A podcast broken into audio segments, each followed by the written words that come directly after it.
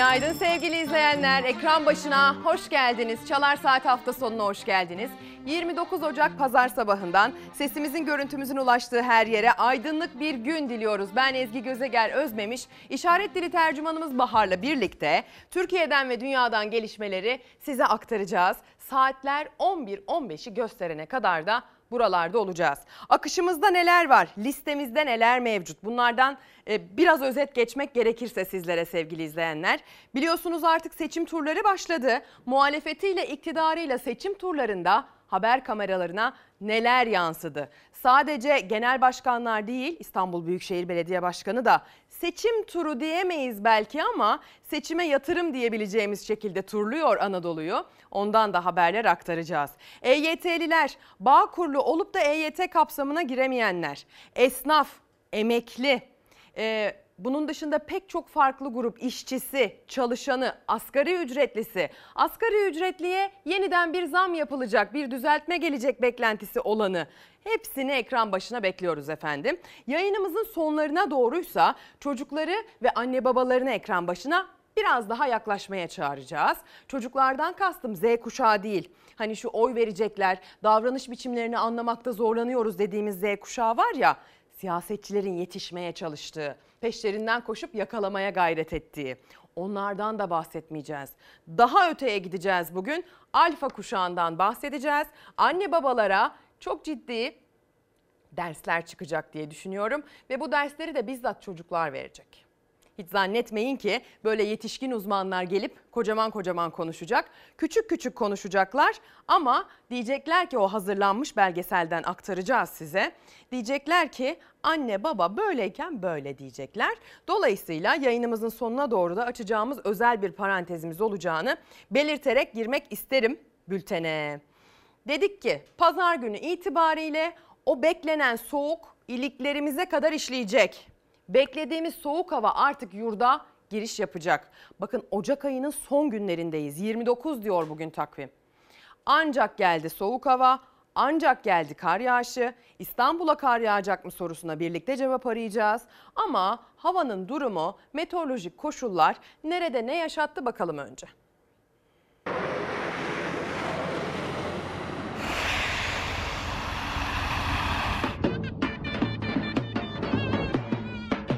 Ocak ayı bitiyor ancak birçok ile yılın ilk karı henüz düştü. Düştüğü gibi de beyaza bürüdü kentleri. İstanbul'da yılın ilk karı akşam saatlerinde Silivri'nin yüksek kesimlerine yağdı. Kuraklık endişesinin arttığı bu günlerde beyaz örtü birçok ilde sevinçle hatta davul zurna ve halayla karşılandı.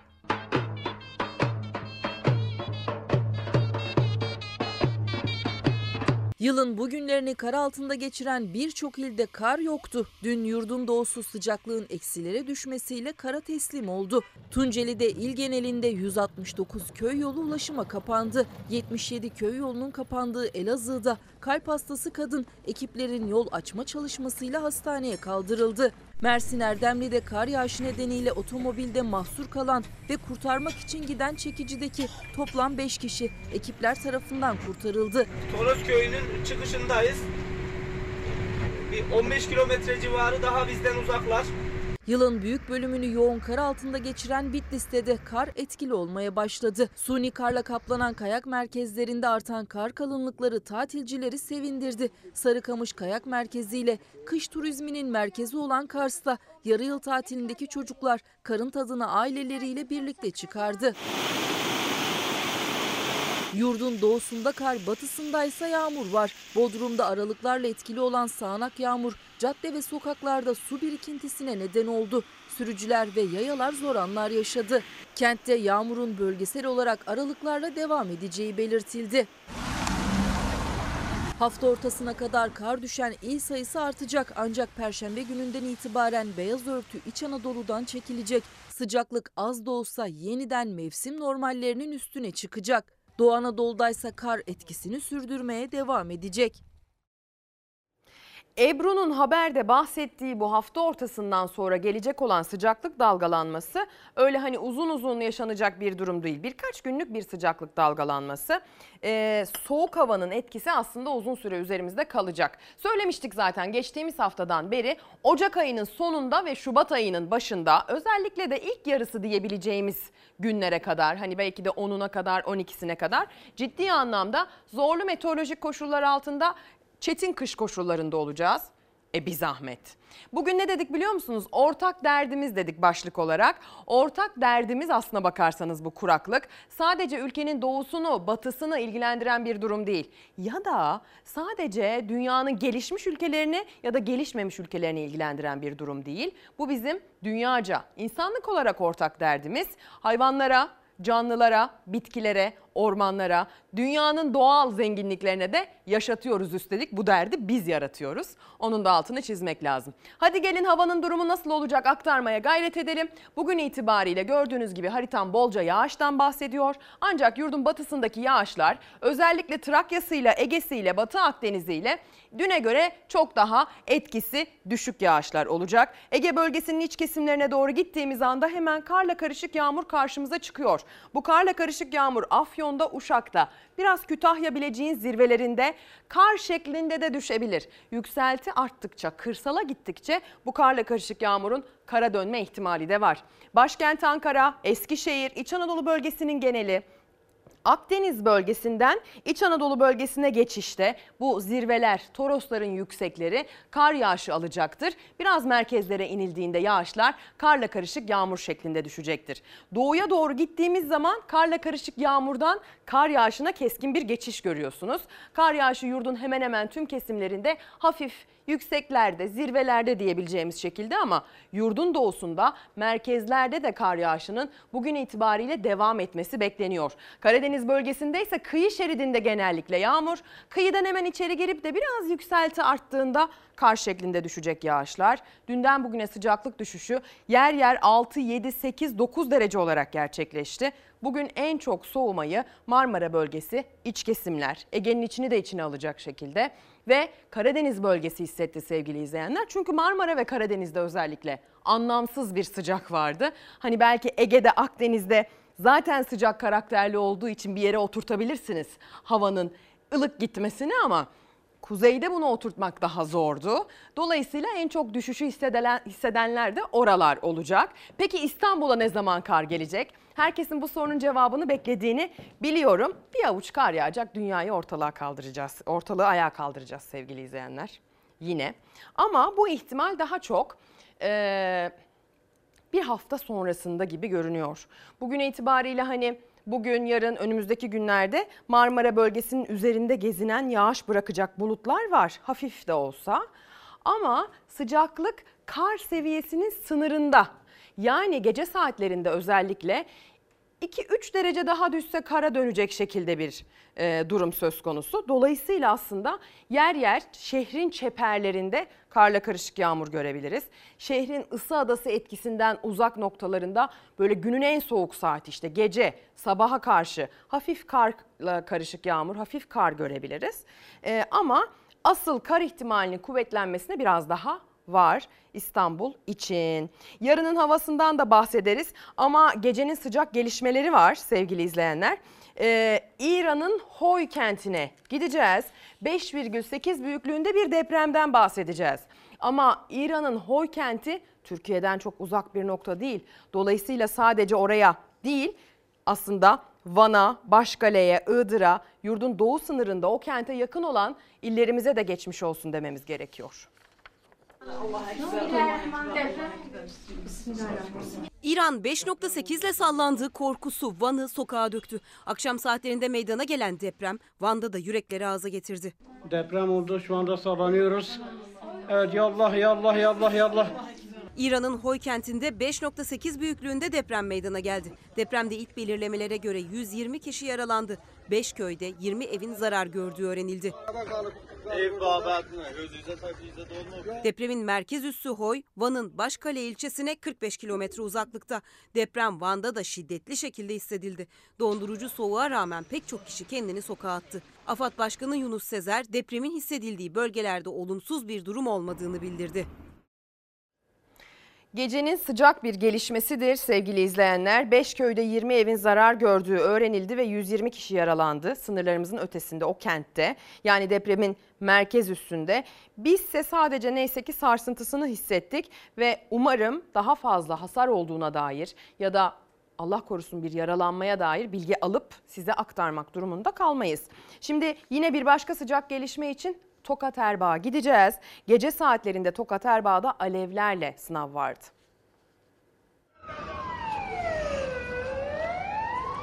Gecenin karanlığını göğe yükselen alevler aydınlattı. Yürekler ağza geldi. Tokat'ta bir apartmanın çatı katı böyle yandı.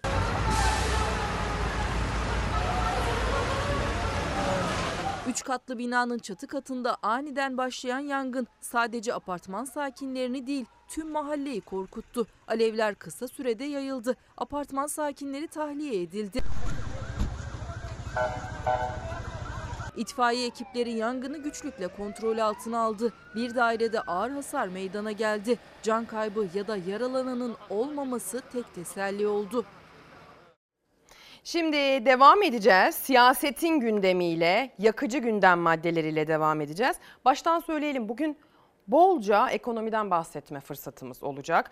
Bugün önemli bir gün e, sevgili izleyenler. O günün anlam ve önemine binaen de hazırlıklar yaptık. Onu da size aktaracağız. Hadi gelin bugün itibariyle gazeteler ne başlıklar atmışlar? Hangi haberi ilk sayfadan genişçe manşetten vermeyi gerek görmüşler, değer görmüşler. Örneğin Karar Gazetesi ilk sayfadan manşetten değil ama genişçe ele alacak şekilde İmamoğlu'nun Ateş ailesine ziyaretini ele almış.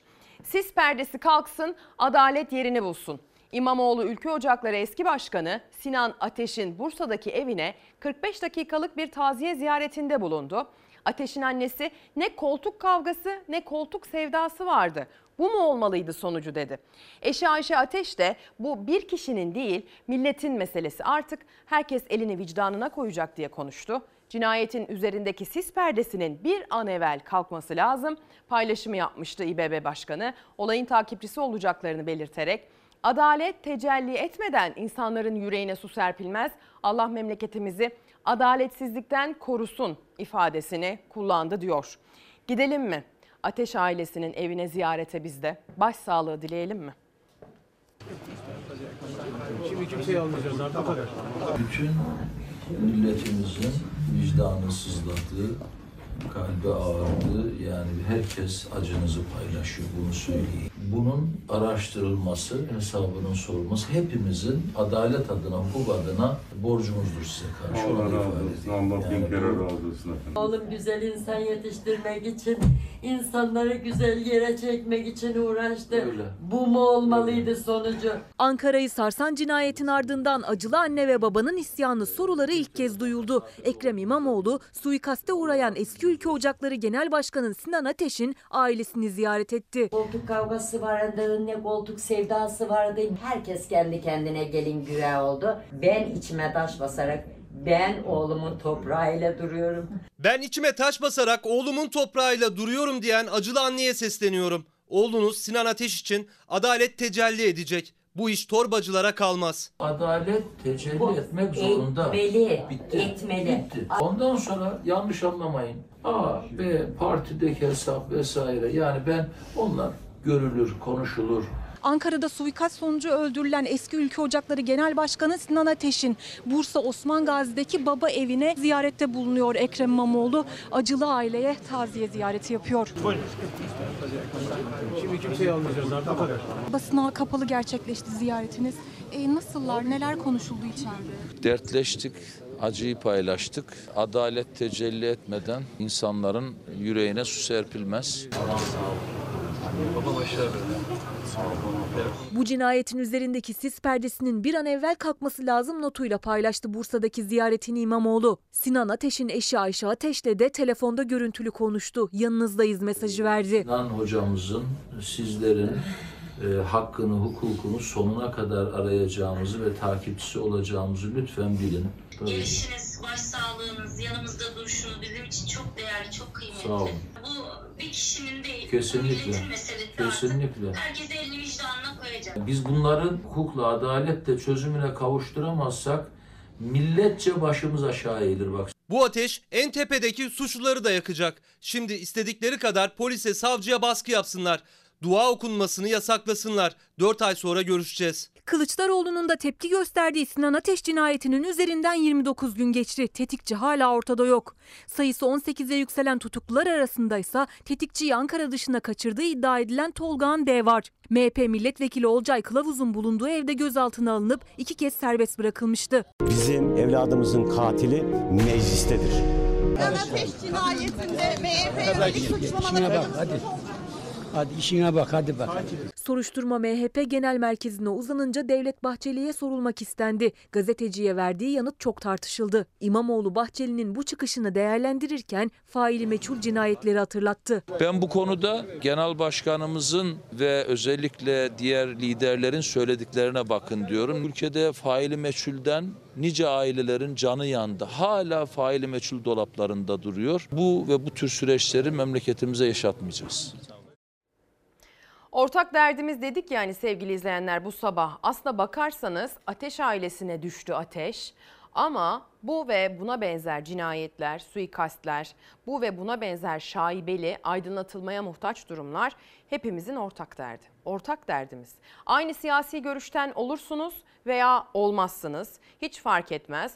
Bu iş sırasıyla herkesin başına gelebilir sevgili izleyenler. Dolayısıyla herkesin tek bir ağızdan herhangi bir çatı altında toplanmaya gerek duymadan bu bizim ortak derdimiz bu dert çözülsün diye ses yükseltmesi gerektiğini düşünüyorum açıkçası. Dolayısıyla siyasi iktidarında bir şekilde e, buna yol açacak şekilde konuşması lazım. Buna yol açacak şekilde mesajlar vermesi lazım. Bağımsız yargının sevgili izleyenler e, devrede olması lazım. Herkesin yüreğine su serpilmiş olması lazım. Ama tam tersine iş zaten yeterince karmaşık ve şaibeliyken maalesef birileri işte tatile gidiyor, birileri görevden alınıyor, bir takım değişiklikler yapılıyor. İşte bir şüpheli gözaltına alınıyor, ötekisi bırakılıyor, sonra tekrar alınıyor. Öyle oluyor, böyle oluyor. İşte kimisinin bir şekilde yurt dışına kaçtığı söyleniyor. E, aile diyor ki meclis. E, meclisten isimler bir şekilde bu durumla temas halinde ama hiçbir şekilde bununla ilgili bir soruşturma başlamıyor, bununla ilgili bir ses çıkmıyor, bir e, ses yükselmiyor. Dolayısıyla adalet adı üstünde herkes için aynı şekilde tecelli etmeli. Yani muhalefetten bir vekil sadece ahmak dedi diye örneğin Sayın İmamoğlu şimdi onun haberinden geldik diye söylüyorum.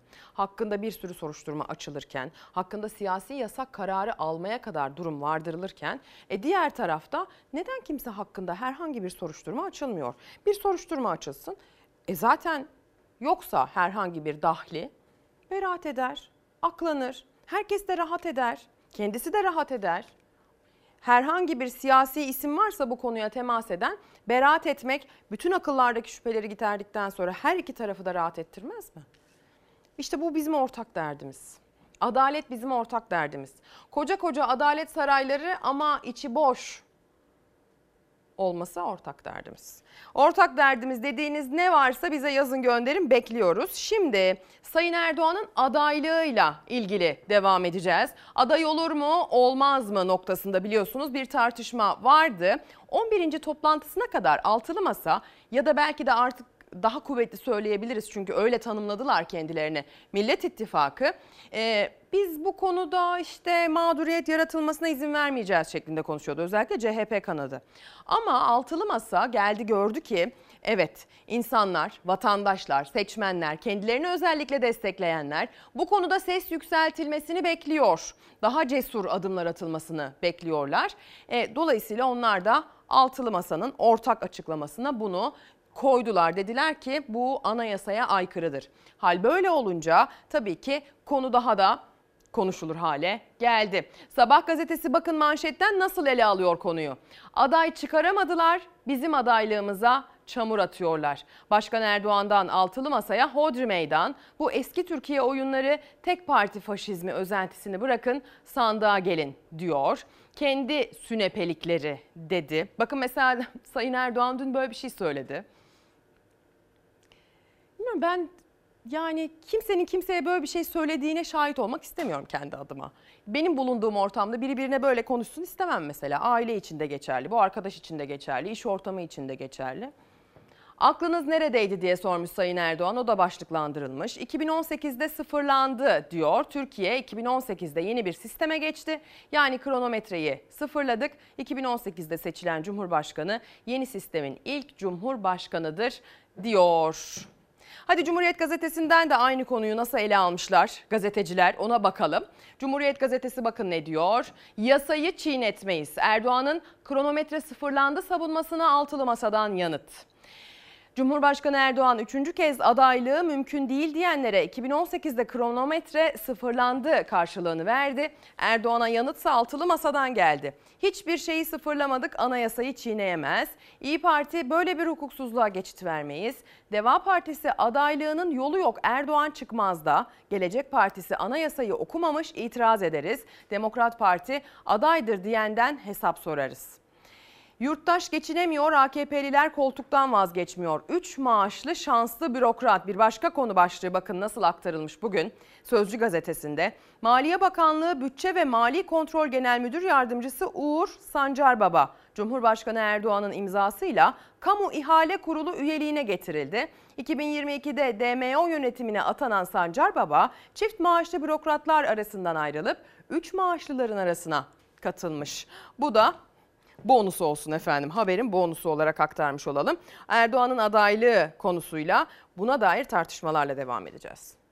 2017 yılında kabul edilen anayasa değişikliği en küçük bir tereddüde, en küçük bir tartışmaya mahal vermeyecek kadar açıktır. Türkiye 2018 seçimleriyle birlikte yeni bir yönetim sistemine geçti. Yani kronometreyi sıfırladı. Bugün anayasamızın neresinde başkan diye bir ibare var? Yeni bir sistem demiyor.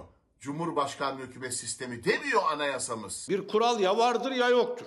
Kişiye göre, duruma göre anayasayı kendimize göre uyduramayız. Bu doğru değil, aday olamaz. O gün ne yaptıklarının farkındadırlar. Ama bugün yapmış oldukları eksiklik nedeniyle hatalarını telafi etmek için kapı kapı dolaşıp bunun ayrı bir sistem olduğunu ifade etmeye, anlatmaya çalışıyorlar. Muhalefet Erdoğan'ın 2023 seçimlerinde tekrar adaylığına anayasaya aykırı derken Cumhurbaşkanı Erdoğan yeni sistemle kronometre 2018'de sıfırlandı. Tartışma kalmadı dedi. Cumhurbaşkanlığı Başdanışmanı Mehmet Uçum da Erdoğan'ın adaylığını ikinci başkanlık dönemi diyerek savundu. Muhalefet anayasada başkan değil cumhurbaşkanı yazıyor. Madem öyle değiştirseydiniz diyerek ses yükseltti. 2023'te de yapılacak seçim ikinci başkanlık seçimidir. İkinci başkanlık seçimi olduğunda da Sayın Cumhurbaşkanı'nın ikinci kez aday olması da anayasal hakkıdır. Bizim anayasamızın herhangi bir yerinde yeni bir sistemden bahsetmiyor. Başkan demiyor.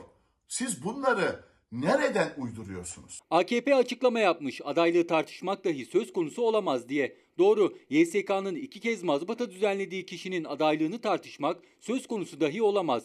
Çünkü olamaz. Aday olması söz konusu değil. Millet İttifakı 27 Şubat toplantısında ortak karar aldı. Erdoğan'ın adaylığı anayasaya aykırı diyerek 6 lider metne imza attı. Liderlerin ortak tutumuyla Erdoğan'ın adaylık tartışması daha da alevlendi. Cumhurbaşkanlığı Başdanışmanı Mehmet Uçum'dan gelen ikinci başkanlık seçimi açıklamasına da muhalefet anayasa kitapçığında yazan maddeyle itiraz etti. 2017 yılında biz yeni bir anayasa yapmadık. Olağanüstü hal döneminde gerçekleştirilen referandumda bazı hükümleri değiştirildi. Değiştirilmeyen tüm hükümler bakidir. Bu hükümlerden biri de bir kimsenin en fazla iki defa seçilebileceği hükmüdür. Bu kadar açık, bu kadar net yazmış anayasamız. 101. madde birlikte yapılacak ilk Büyük Millet Meclisi ve Cumhurbaşkanı seçimlerinin takviminin başladığı günde yürürlüğe girer. Peki bu ülkede birlikte seçim ne zaman yapıldı ilk kez? 24 Haziran 2018'de. 2014'te yapılan Cumhurbaşkanlığı seçimi meclisle beraber yapılan seçim miydi? Yeni sistemin seçimi miydi? Değil. 2007'de yapılan anayasa değişikliği 2017'de aynen muhafaza edilmiş ve hiçbir şekilde buna dair bir yürürlük maddesi bulunmamaktır. Bunun dışındaki söylemler tamamen milleti aldatmaya yöneliktir. Bu yeni bir durum. 2014 sayılmaz bu işe 2018'den itibaren diye özel bir hüküm koymaları lazım. Anayasayı 2017'de değiştirirken bu özel hükümü koymuş olsalardı bir itirazım yoktu. Bu bir hukuk tartışması değil. Hukukun istismar edilerek Sayın Cumhurbaşkanı'nın önünü kesme çabalarından bir diğeridir. Sayın Cumhurbaşkanı'nın anayasal hakkının önünü kimse kesmeye cüret edemez ve bunu da başaramaz. Anayasayı çiğneyerek böyle bir karar aldırırsanız millet sandıkta size en ağır cezayı mutlaka verecektir. Yeni hükümet sistemiyle beraber bütün vatandaşlara iki defa seçilme imkanı tanınmıştır. Ayrıca Sayın Şentop'un temsil ettiği makam hukukun çiğnenmesine partizanlıkla kılıf uydurma yeri değildir. Muhalefet Meclis Başkanı Şentop'un da tartışmaya dahil olmasına tepkili. Saadet Partisi Genel Başkanı Temel Karamollaoğlu ise Erdoğan'ın adaylıktan çekilebileceğini iddia etti. Tam seçime giderken Tayyip Bey ben değil falancı olsun diyebilir. Eğer Tayyip Bey aday olmazsa aday olduğu zaman bile kaybedeceği çok açık olarak gözükürken yeni bir aday çıkarıldığı takdirde kaybetme ihtimali en az iki misli artar. Dedi Temel Karamollaoğlu sevgili izleyenler. Peki siz ne dediniz? Sayın Erdoğan'ın adaylığı ile ilgili olabilir ya da ortak derdimiz başlığına gönderdiğiniz bir mesaj olabilir. Lütfen Twitter ve Instagram üzerinden Ezgi Gözeger hesaplarına düşüncelerinizi, ortak olduğumuz, ortaklaştığımız dertlerinizi yazın gönderin. 20 yıl yetmiyor mu bu hükümete? Gençlerin önü açılsın diye bir mesaj gelmiş. Duha İletişim Mersin hesabıyla gönderilmiş. İyi pazarlar, günaydın mesajları geliyor Engin Bey teşekkürler. Sevgi Hanım, Sevgi Oz'dan ortak derdimiz faturalar, geçinemiyoruz, ev kiraları. İnsan gibi yaşamak herkesin hakkı ama bunu toplum olarak hissedemiyoruz Ezgi Hanımcığım demiş gönderdiği mesajda. Ortak derdimiz değil, ortak dertlerimiz öylesine çok ki hangi birini sayayım? Ankara'dan Aysel Hanım gönderiyor mesajı.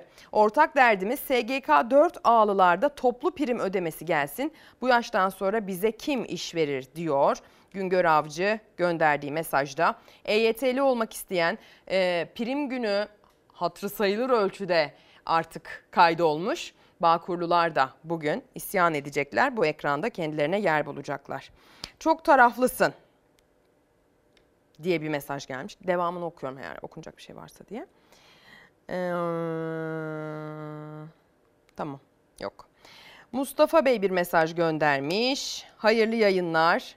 Bu 90 bin taşeron işçi için Kasım'da açıklama yapılacaktı. Hala ses yok. Unutulmasın diyor. Hatırlatmış olalım biz de. Ortak derdimiz geçim tabii ki. Her gün artan fiyatlar artık belimizi büküyor. Siz çıkmış aday kavgası yapıyorsunuz. Yeter artık söz bizim. Gülay Hanım demiş. İktidarla muhalefetin aynı propaganda malzemesi, aynı sloganla seçime gidiyor olması size de komik geliyor mu?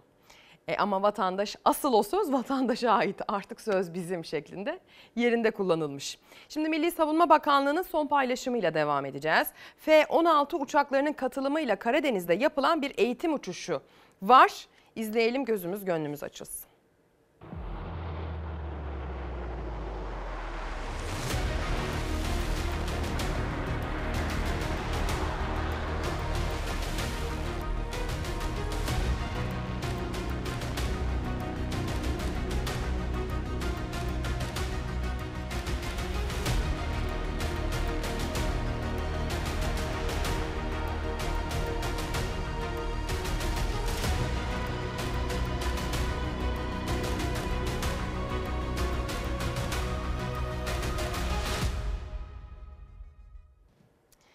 Sevgili izleyenler Millet İttifakı ile devam edeceğiz. Hani yeter söz milletindir sloganına birazcık tebessüm ettik ya. Siz de dediniz yeter artık söz bizde sıra bizde diye. Evet aslında en yerinde kullanım bir vatandaş tarafından kullanılması olacak galiba bu sloganın. Ama tabii ki iki tarafın da bunu kullanmaya dair sebepleri var.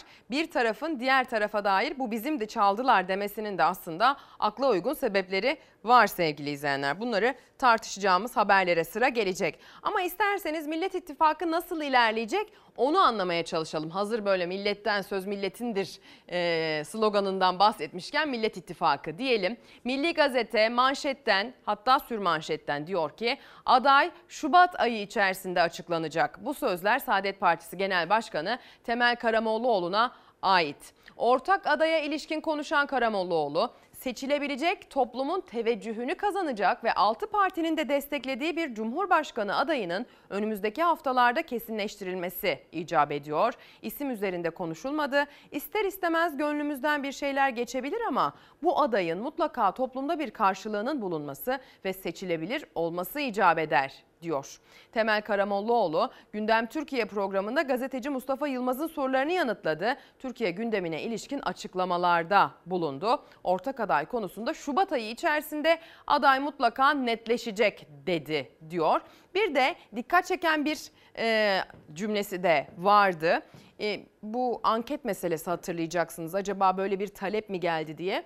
Kulislerden doğru esen bir rüzgar vardı özellikle İyi Parti'nin bunu talep ettiği ve bu ilerleyen süreçte işte belki de ortak e, anket şirketleri belirlenerek belki de başka bir yöntemle bu seçilecek kişinin yani aday olacak kişinin seçilip seçilemeyeceğine bakalım diyecekler gibi bir çıkarım yapılmıştı. E, verilen mesajlardan, kulis bilgilerinden, parçalar birleştirilerek Temel Karamollaoğlu dedi ki öyle bir anket kararı almadık dedi.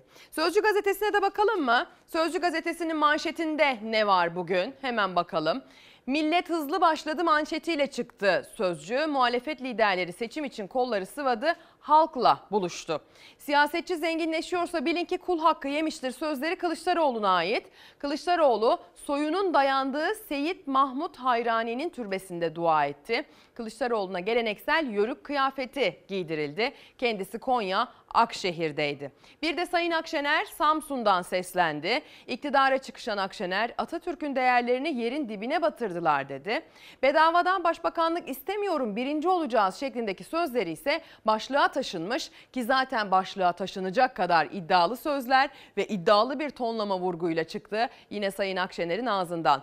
O sözü çalmaya kalktılar biz de hemen yakaladık. Bu da Gültekin Uysal'ın sözleri. Demokrat Parti lideri Twitter'dan bu şekilde seslendi. 73 yıl önce yeter söz milletindir sloganının zaten Demokrat Parti tarafından kullanıldığını hatırlattı kendisi. Temel Karamollaoğlu ise az evvel Milli Gazete'den de okuduğumuz gibi Şubat ayı içinde Cumhurbaşkanı adayının netleşeceğini duyurdu. Ki 13 Şubat'ta Saadet Partisi ev sahipliğinde toplanacak altılı masa. O zaman netleşmiş olacak ama o zaman açıklanacak mı? Soru işareti. Özgür Özel de buna dair net bir tablo çizmedi. Açıklanıp açıklanmayacağına genel başkanlar karar verecek ama netleşmiş olacak dedi. Daha önce gelen bir kulis bilgisi 13 Şubat'ta masanın en büyük ismi yaşça e, en büyük lider Temel Karamollaoğlu tarafından açıklanacağı şeklindeydi.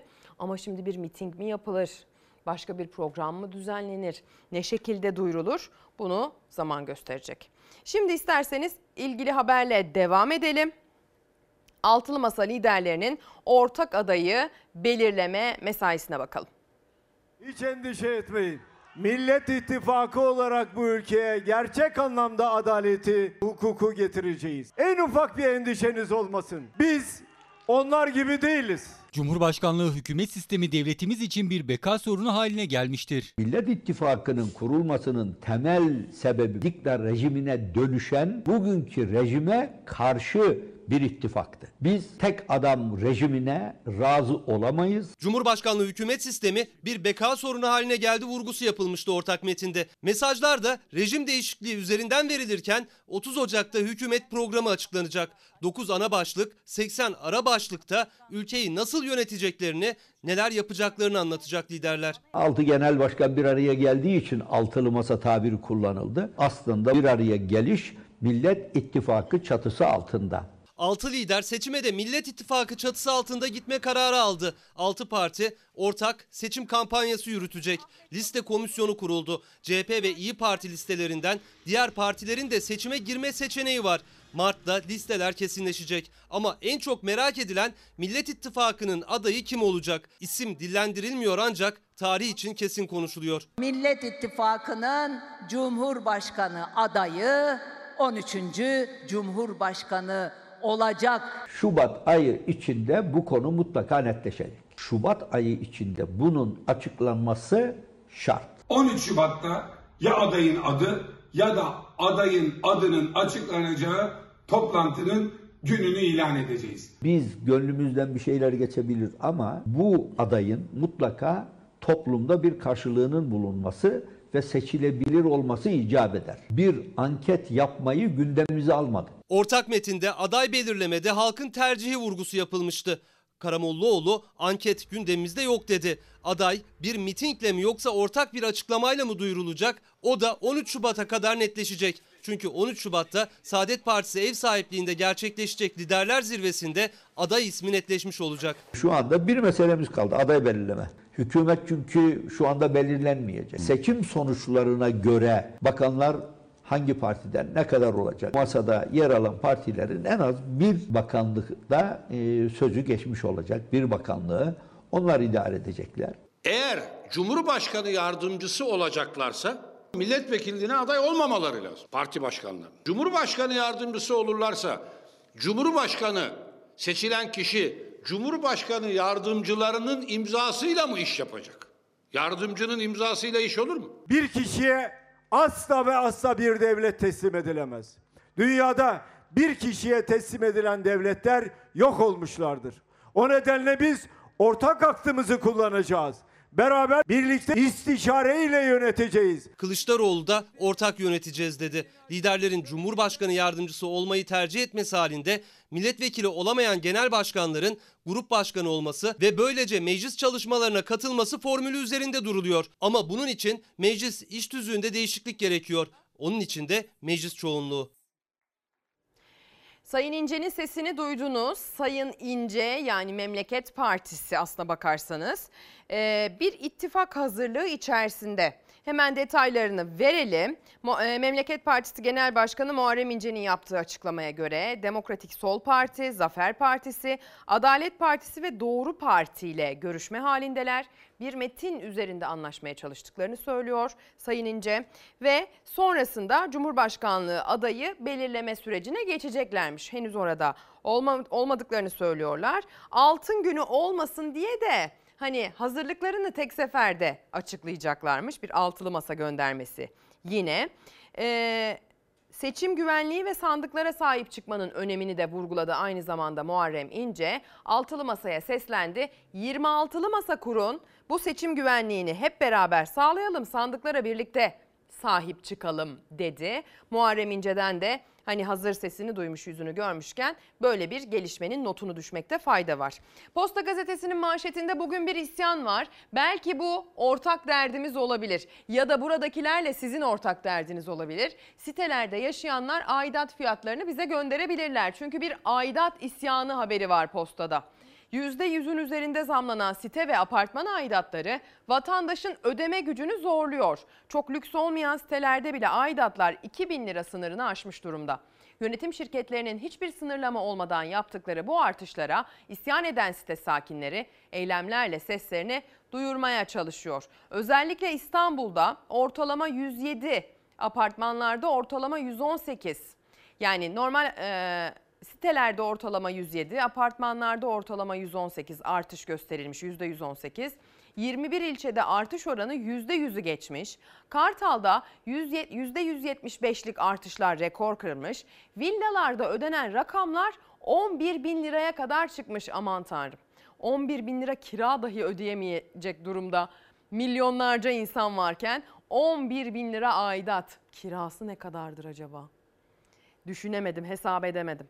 Çalışanların maaşı, vergi, sigorta giderleri, sosyal tesisler, otopark, spor alanları, havuz bakımı gibi hizmetleri barındıran sitelerde en yüksek aidat ödeyen ilçe ortalama 1971 lirayla Şişli olmuş. Hayırlı uğurlu olsun. Bu da özellikle belirli bir gelir seviyesi üzerinde yaşayanların ortak derdi. Ha tabii herhangi bir mahallede standart bir apartmanda oturuyorsunuzdur. Aidatınız 150 liradan 250 liraya çıkmıştır. Evet o da çok fahiş bir artış. Ama tabii ki 11 bin liralardan bahsedilince o, o noktada biraz nutkumuz tutuluyor. Şimdi bir başka isyan sesi. Bu sefer çiftçinin isyanı. Tütün yetiştiriyor bu izleyeceğiniz e, haberdeki çiftçiler Manisa Selendi'de 80-90 liraya mal ediyorlar birim tütünü ve aynı birim tütünü 55 liradan satabiliyorlar. Mazot almış başına gidiyor. Gübre almış başına gidiyor. Tütün neymiş sözleşme 55 lirada yapılmış 55 lira. Hak adalet mi? 55 lira imzanızda 55 yazıyor mu bizde? Yazmıyor. Yazmıyor. Yazmıyor. Bilmiyordunuz yani. Kaç para olduğunu bilmiyordunuz. Ya biz o zaman bu sözleşmeyi imzaladığımızda mazot 7,5 80 lira 90 lira maliyet çıkarmışız. 50 lira 55 lira cebimizden koyup adamlara keyif malzemesi üretiyoruz. Belki Selendi'de bu işin bitmesini bekliyorlar. Bitecek mi? 2 milyar benim veresiye defterim yazılı. Ben bunu tütüne güvenerek yazdırıyorum ona onu yiyorum. Ben kışın gününde nerede bulayım? Ben tüm istimalimi tütüne bağladım. Adalet, herkes adalet. 100 liraya alana kadar mücadelemizden vazgeçecek miyiz? Ortak derdimiz geçim sıkıntısı zamlar. Bunun dışında en büyük sorunlarımızdan biri bence sokaktaki hayvanlara yapılan şiddetin ön aşama oluşu. Sonrasında bu şiddetin çocukları ve kadınları hedef alışı ve adaletin bu şiddetlerde bir şekilde işlememesi, cüzi bir ceza verip salınmaları. Orman yangınları, yangınlar sonrası kaybedilen topraklarımız, tarikatların, hoca efendilerin, cemaatlerin verdiğimiz vergilerle beslenmesi, gitgide kötüye gidilmesi, başa geçenlerin e, cebini doldurması, bu liste uzar gider. Kısacası bizim ortak derdimiz ülkemizin yönetilmeyi becerile, becerilememesi diyor. Tuğba Uyan göndermiş mesajı. Şu kısma gerçekten katılıyorum. Eğer sokaktaki, toplumdaki en zayıf halka, şiddetten korunmaya en muhtaç kesimin haklarını tam olarak sağlarsanız, tanırsanız Evet bunun da bir hakkı vardır ve ben bu hakkı tanımak zorundayım, teslim etmek zorundayım derseniz böyle hani çocuk hakları, kadın hakları, insan hakları şeklindeki merdiven basamaklarını tırmanmanız kolaylaşacaktır. O kısma canı gönülden katılıyorum. Şimdi emekliler ekran başındalar. Bizi unutmayın, bizi unutmayın, bizden bahsetmeye devam edin diye mesaj gönderiyorsunuz. Görüyorum mesajlarınızı ve arttırıyorum. Sözcü gazetesinin ilk sayfası. Biz yaşamıyoruz, can çekişiyoruz. Geçinemeyen emekli vatandaş isyanını böyle haykırdı. CHP Ankara Milletvekili Levent Gök, Dikmen'deki semt pazarında halkın derdini dinledi. Emekliler şunları söyledi. Asgari ücretin altında maaş alıyoruz. Çarşıda pazarda fiyatlar almış başını gitmiş. Faturalar yüklü geliyor. Maaş ayın ortasında tükeniyor. Ay sonunu getiremiyoruz gel de yaşa. Bizimki yaşamak değil can çekişiyoruz. Emekli vatandaş 800 lira doğalgaz, 400 lira elektrik faturası geldi diyerek halini anlattı. E zaten ne kadar maaşı var ki bakarsanız. Hadi gelin havanın hani kurak gitmesine belki sevinmiyorlardı ama en azından soğumamasına bir miktar sevindiklerine neredeyse eminim ama kanıtlayamam. Çünkü aslında ısınmaya dair masraflarının azalacağı için bir sevinç yaşıyorlardı. Gelin görün ki doğalgaz faturası derdi artık artıyor. Bu dert büyüyecek. E, tabii ki dert en büyük kime büyüyecek? En çok kime büyüyecek? En zayıf halkaya. Bugün aldım daha maaşı. Boyuna fatura yatırıyorum. Doğalgazı yatırdınız mı? Doğalgaz 750. Yaktınız mı full? Yok her zaman yakmıyorum. Ne kadar emekli maaşı? 5600. Zamla mı bu kadar oldu? Evet. Az az yaktık da yine de 5-600 lira geliyor. Tam yaksa 1.6-1.7'den aşağı gelmez. Emekli doğalgazı elektriği kısıtlı kullandığı halde faturalara yetişemiyor ve artık hava sıcaklıkları düşüyor. İdareten yakılan kombiler iyice açılacak. Emekliyi fatura kabusu sardı. Hava iyi gitti. Yakıyoruz da ara sıra. Ara sıra yaktığınızda ne kadar? 500 civarında. Geçen ay mesela 448 geldi. Yakacak olursan yani 1000 liradan aşağı gelmiyor. Elektrik faturasını hatırlıyor musunuz son gelen? Ee, En son 320 küsür geldi. Gene kısıtlı yakacağız. Evde titremeyecek kadar bir halde geliyor. Emeklilik mücadele, savaş.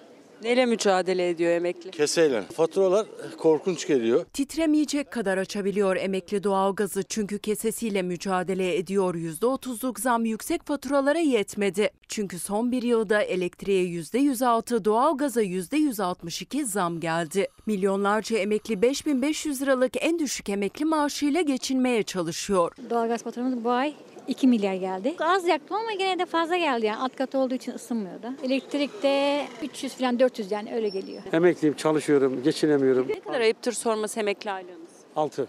Doğalgaz gelmiş 1 milyar. Elektrik gelmiş 300. Su gelmiş 200. Bir de tam yakmadım yani. Kışın geldiğini henüz anlayamadık ancak bugünden itibaren üşüyeceğiz. Emekli daha tam yakmadığı doğalgazın faturasını ödemekte zorlanırken kışın faturası çok daha ağır olacak. Paraları sayıyoruz. Elimizde bol gibi görünüyor. Bir anda gittiğimiz yerde de eriyor. İdareli yakıyoruz. Nasıl oluyor? Valla ucun ucun yakıyoruz ısınmak için. Yatarken de söndürüyoruz ister istemez. Kredi kartlarına devamlı borçlanıyoruz. 50-60 milyar borç var. Kredi borçlarının sayısı bir yılda yaklaşık 2 milyon kişi arttı. Emekliler de geçinemediği için borçlananlar arasında. Olmaz mı ya? Ne borcu var emeklinin? Bankalara Ne için çekildi o krediler? mecburi çektik. Sevgili izleyenler emeklinin hali bu durumda asgari ücret diyorsunuz. Adı üstünde bir ülkede belirlenmiş bir alt limitten bahsediyor olmalısınız. Ama maalesef milyonlarca emekli bu alt limitin de altında ücretlendiriliyor. Eğer e, geçtiğimiz yıllarda hani çalışırken, orta yaşlıyken, genç yaştayken biriktirip kenara koymuş bir ev almışsa ne güzel ama buna fırsatı olmamışsa bugün sahip olduğu gelirle neredeyse e, mesela İstanbul'da yaşaması imkansız. Hani diyelim ki evi yok. Kirayı mı ödeyecek? Faturayı mı ödeyecek? Mutfak masraflarını mı karşılayacak? Bir markete gitmek 300-400 liradan başlıyor artık. O da aldığınız şey. Hani bırakın karnınızı gözünüzü doyurmuyor. Yani dolayısıyla hele bu kış günlerinde doğalgaz faturası, ısınma masrafı ayyuka çıkmışken mümkün değil. Dolayısıyla eğer bir asgari ücretten bahsediliyorsa o asgari ücretin gerçekten adının hakkını vermek, içini doldurmak lazım. Ondan aşağı kimsenin ücretlendirilmiyor olması lazım ülkede. Şimdi tamam biraz dağıtalım havayı. Bu havayı dağıtmak için sanattan faydalanacağız. Ankara'ya, ODTÜ'ye doğru gideceğiz. Latin ezgileriyle her yaştan dansçının biraz ruhumuzu aydınlatmasına müsaade edeceğiz. Her yaştan, her kategoriden dansçılar Ankara'da buluştu. ODTÜ'den bu kez Latin ezgileri yükseldi. Rengarenk sporcuların dansları eşliğinde. İki gün boyunca İzmir, Antalya, Ankara ve İstanbul'dan sporcuları, antrenörleri ve hakemleri ağırlıyoruz. Türkiye Dans Sporları Federasyonu bünyesinde faaliyet gösteren bir dans okulunun ev sahipliğinde yapıldı organizasyon. Ulusal düzeydeki yarışmada dansçılar pistte yeteneklerini sergiledi. Yakınları ise heyecanla tribünden onları izledi. Festival havasındaki yarışma bugün de devam edecek. Burada kazananlar ileriki tarihteki Türkiye Şampiyonası'nda daha da iddialı olmak için eee, şu an pisteler. Sevgili izleyenler, reklama gideceğiz ama öncesinde aktarmak isterim. Ne, nelerden bahsedeceğiz geri döndüğümüzde? Sayın Kılıçdaroğlu ile birlikte Konya'ya gideceğiz. Sayın Erdoğan'la birlikte Denizli'ye gideceğiz sevgili izleyenler. Sayın Akşener'le birlikte Samsun'a gideceğiz. İmamoğlu ile birlikte biliyorsunuz Sinan Ateş'in evine bir ziyarete gitmiştik ilk blokta. Mobilyacılardan, kardan kuraklıktan, esnafın durumundan, Sinop'uyla Aksaray'ıyla bahsedeceğimiz bir haberimiz ekranda olacak. Voleybolcu kızlarımız var. Ciddi başarı elde etmişler. Hatta sadece voleybol oynamamışlar, hayata tutunmuşlar. Onların hikayesine bakacağız. Ee, Köylünün bir takım dertleri var. Bunu dile getirmek istiyoruz bu ekrandan. Antalya'da fırtınadan sonra ortaya nasıl bir manzara çıkmış ona bakmak niyetindeyiz. Bu ve buna benzer EYT'liye asgari ücretliye alışveriş yapacak olanı cebini düşüneni ilgilendiren çokça haberimiz var. Ortak derdimiz mesajlarını reklam arasında göndermeye devam edebilirsiniz. Günaydın sevgili izleyenler. Ekran başına bir kez daha hoş geldiniz. Bugün 29 Ocak Pazar. Güzel bir pazar sabahı yaşanıyordur umarım. Bulunduğunuz adreslerde, sesimizin, görüntümüzün gittiği yerlerde ortak derdimiz başlığını attık. Sabah saatleri itibariyle olmasına rağmen, bir pazar sabahında olmamıza rağmen teveccühünüz bizi memnun etti, mutlu etti efendim. Çokça mesaj gönderiyorsunuz ortak derdimiz başlığı altında. Örneğin emekliler ekran başındalar. Kendileri ortak dertlerinin en büyük dertlerinin geçim olduğunu söylüyorlar. Ee, izleyicilerimizden Abdullah Baysal mesaj göndermiş. Günaydın evimizin kızı emekli öldü cenazesi ortada kaldı. Halbuki bu memleketin temel taşıdır emekli mesajını gönderiyor. Okuyacağız ortak derdimiz dediğiniz mesajlarınızı ama isterseniz önce Malatya karayolunda gerçekleşen bir kaza var. Oraya gidelim. Maalesef bir otobüs kazası 4 kişi hayatını kaybetti. 24 kişi yaralandı.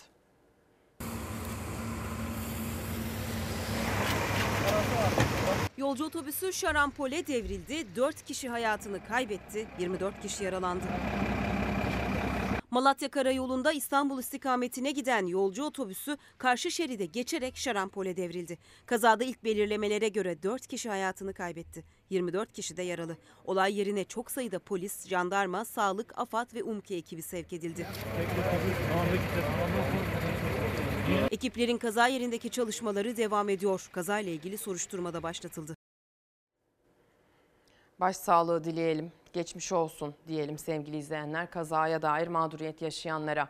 Bir gün gazetesinin manşetini okuyarak devam edelim gazete turlarına. Bugün manşetten bir gün diyor ki hayaldi, hayal olarak kaldı. AKP'nin seçim vaatleri gerçekleşmedi.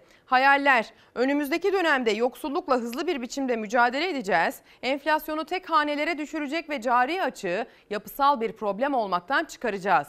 Gerçekler, TÜİK verilerine göre sürekli yoksulluk oranı 2018'de %12,7 iken günümüzde %13,8'e çıktı. Aralık enflasyonu %64,2 düzeyinde gerçekleşti. Cari açıksa %930,6 arttı. Hayaller 2023 yılı itibariyle ülkedeki istihdam oranını %53'e çıkaracağız. Kadınların iş gücüne katılma oranını ise %41 düzeyine yükselteceğiz. Gerçekler TÜİK'e göre istihdam oranı sadece %48,6'ya yükseldi. Kadınların iş gücüne katılım oranı ise sadece %31,7'de kaldı. 2017'de bu oran %34'tü. Hayaller döviz piyasaları yakından takip edilecek. Gerektiğinde dengeleyici döviz likiditesi arttırılacak. Kullanılmaya devam araçları kullanılmaya devam edilecek. Seç, gerçeklerse şöyle seçimlerin yapıldığı Haziran 2018'de dolar kuru 4 lira 75 kuruş, avro kuru 5 lira 50 kuruştu. Dolar bu süreçte sayısız kez rekor kırarak 18 lira 80 kuruşa, avro 20 lira 4 kuruşa çıktı. Hayaller göç olgusunu yöneterek ülkemizi dünyanın her yerinden parlak zihinlerin cazibe merkezi haline getirmek ve tersine beyin göçünü sağlamak da temel bir hedefimiz. Gerçekler Türkiye bu süreçte en çok beyin göçü verdiği dönemlerden birini yaşadı. Sadece yurt dışına gitmek için e, Türk Tabipleri Birliği'nden belge talep eden hekimlerin sayısı bile 2685 oldu deniyor. Yeni bir seçim arefesinde gözler Erdoğan'ın 2018 seçimlerinde vaatlerinde e, odaklandı. Gerçekleşen var mı bakalım demiş. Bir gün gazetesi ve hayaller gerçekler diye sıralamış. Peki o zaman biz de bahsedilen vaatlerin e, sahibinin haberiyle devam edelim. Sayın Erdoğan Denizli'deydi efendim. Seçmenleriyle buluştu. Seçim turu hız kazandı.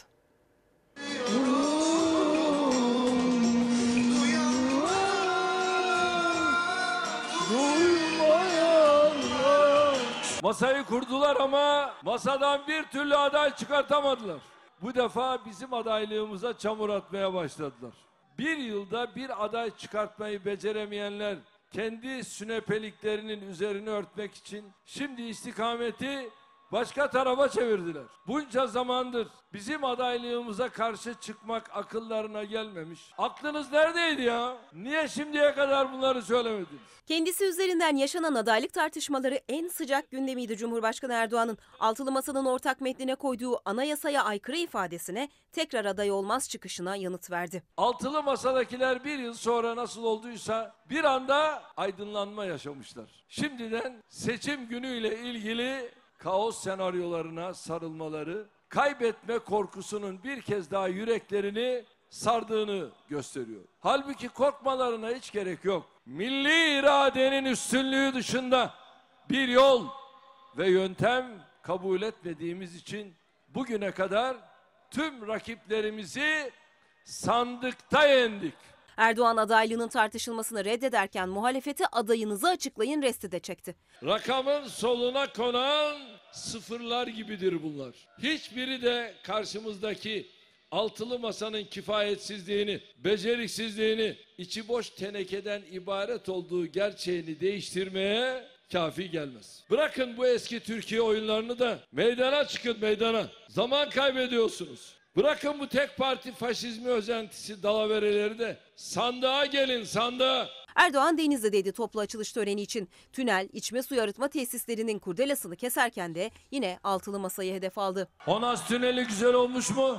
Denizli'den altılı masaya selam. Duyanlara,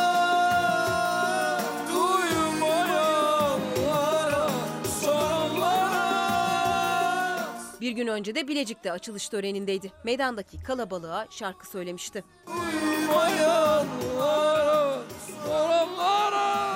Erdoğan Bilecik'te söylediği şarkıyı Denizli'lik kalabalıktan esirgemedi. Soranlara, sormayanlara. Denizli'de akşam saatlerinde İl Danışma Meclisi toplantısında yine kürsüdeydi Cumhurbaşkanı. Bizim siyaset anlayışımızda ötekileştirmeye, kutuplaştırmaya, inancından, tercihinden, kıyafetinden, meşrebinden veya siyasi görüşünden dolayı insanımızı hor hakir görmeye asla yer yoktur. Erdoğan seçim turlarının Denizli durağında kimseyi ayrıştırmayız diyerek dikkat çekti. Kuraklık konusunda da muhalefete yüklendi. Bunların olduğu yerde kuraklık var. Bizim olduğumuz yerde Allah'ın izniyle bereket var. O zaman şimdi de gözleri Konya'ya doğru çevirelim. Kılıçdaroğlu'nun peşinden Konya'ya gidelim. Gazeteler nasıl aktarmışlar Kılıçdaroğlu'nun Konya çıkarmasını? Bakın Karar Gazetesi çürümeye son vereceği sözlerini başlığa, taşıyarak haberi aktarıyor. CHP lideri devlette çürüme olduğunu belirterek Türkiye'yi yeniden bütün kurumlarıyla inşa etmek zorundayız. Beraber olduğumuz zaman aşamayacağımız hiçbir engel yok dedi diyor. Kurumları inşa edeceğiz, liyakat sağlayacağız sözlerini de aktarmış. Akşehir il olacak sözü de vermiş Kılıçdaroğlu o ziyarette. Bakalım e, neler yaşandı ziyaretin detaylarında.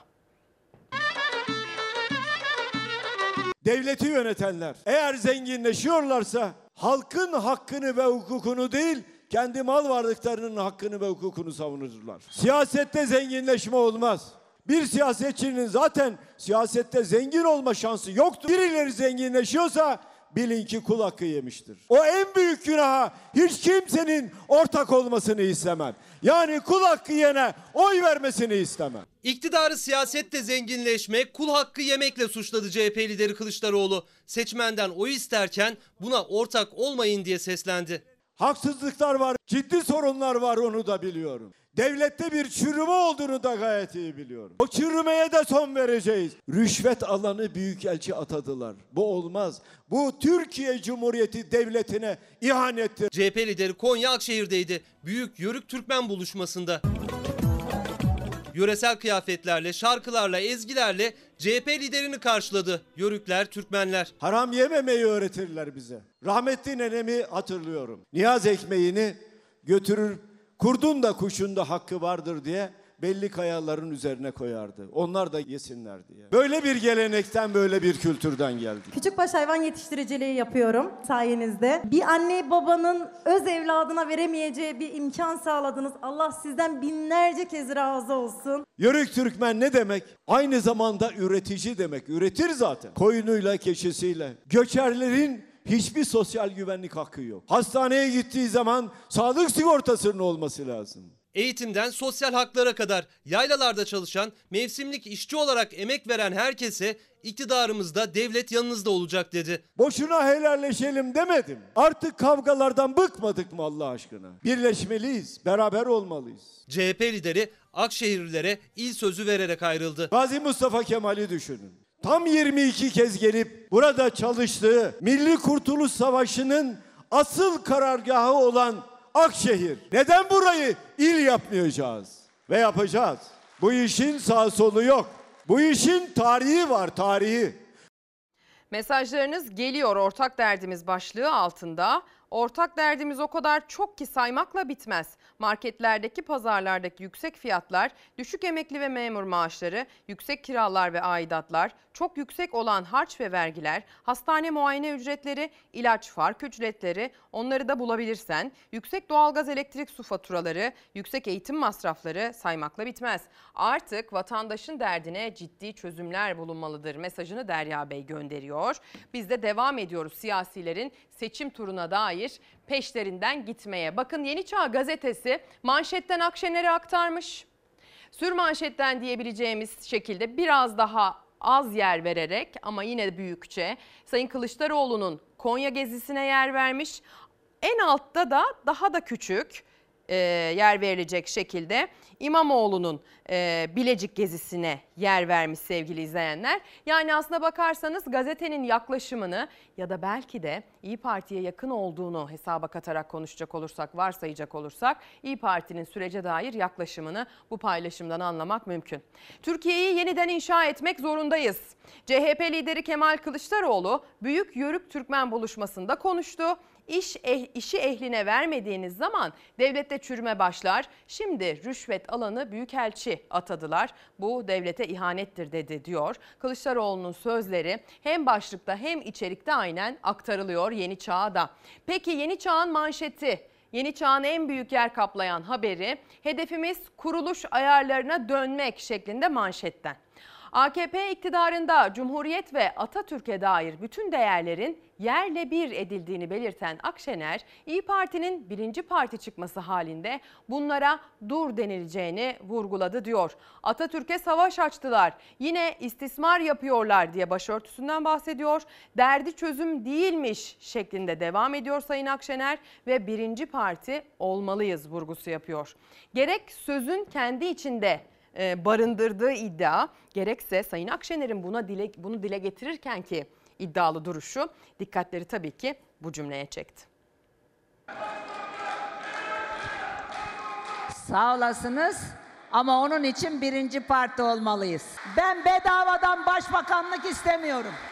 Kimseyle de pazarlık etmedim etmem. İyi Parti birinci parti çıkacak. Başbakan Meral sloganlarıyla karşılandı. Kürsüde hemen her cümlesinde başbakan olacağım diyerek verdi mesajlarını İyi Parti lideri Meral Akşener. Siniri bozulma devam etsin muhteremlerin. Birinci partinin genel başkanı olarak başbakan olacağım. Resmi olarak açıklanmasa da seçim tarihi 14 Mayıs olarak görünüyor. Seçim yaklaştıkça meydanlar da ısınıyor. İyi Parti lideri Akşener partisinin ilk kongresi için Samsun'daydı. Seçime çok az bir zaman kaldı. Ama son bir kez hep birlikte Atatürk'ümüz için, Cumhuriyetimiz için İyi Parti'nin birinci parti olması gerekiyor. Milli mücadelenin başladığı Samsun'da Atatürk için, Cumhuriyet için birinci parti olmalıyız derken başkentte yaklaşık bir ay önce suikaste kurban giden Ülke Ocakları eski genel başkanı Sinan Ateş'i hatırlattı. Sinan Ateş gibi gençlerimizin katledildikten sonra tek adam rejiminde hala failleri bulunamıyorsa bir daha Sinan Ateşler katledilmesin diye birinci parti olmak mecburiyetimiz var bizim. Meclis komisyonunda kabul edilen AK Parti'nin getirdiği başörtüsü anayasa teklifi de Akşener'in gündemindeydi. Dedi ki Kılıçdaroğlu bana pas attı ben bunu gole çevireceğim. Yazıklar olsun Sayın Erdoğan yazıklar olsun. Acı çeken kadınların, onların annelerinin, babalarının, eşlerinin, abilerinin o acısı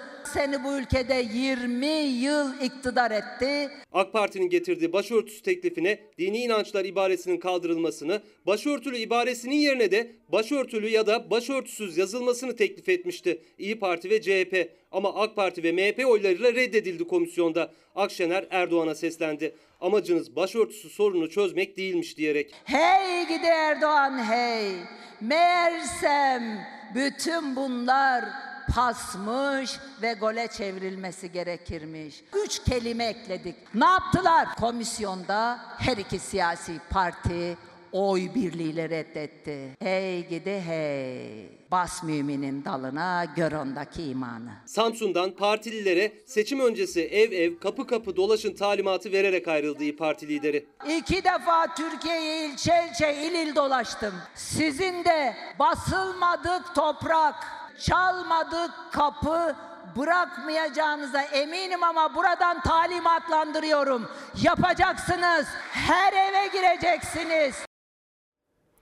Seçimin e, güncesini tutmak gerekirse, liderlerin turlarıyla birlikte şöyle bir Anadolu turu yapmak gerekirse bu şekilde başladı efendim artık hız kazandı. Özellikle e, seçime dair bu ziyaretler biz de bunu tabii ki bu süreç içerisinde sürekli takip ediyor olacağız.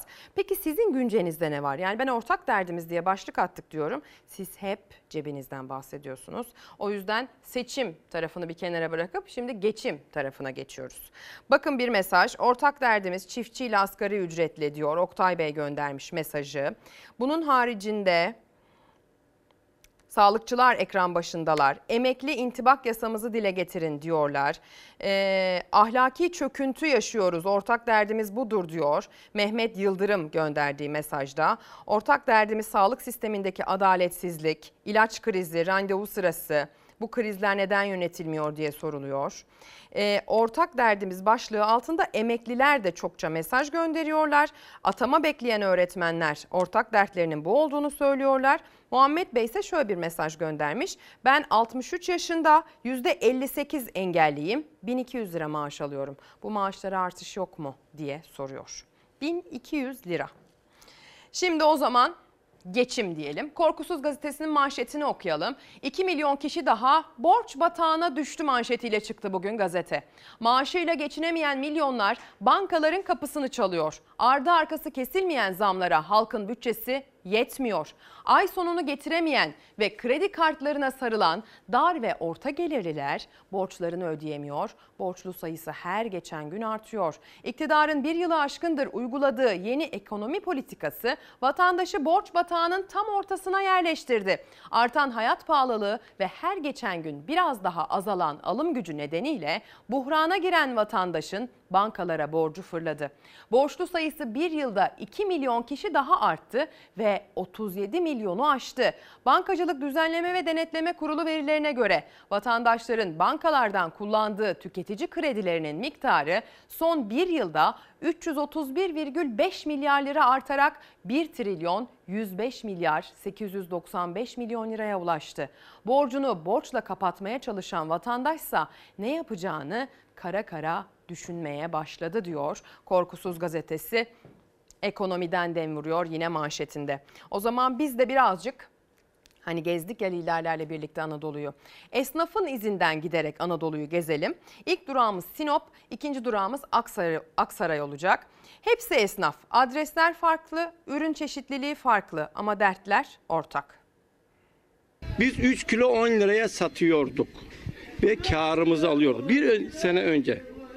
Şu anda 3 kilosu bunun 45 lira. Geçen seneki 100 liraya aldığımız şeyleri bu- sene 300-350 lira civarında alıyoruz. 8 liralık mazotun 28 liraya satıldığı bir ülkede bu fiyatlar artmak zorunda. Girdiler, işçi paraları.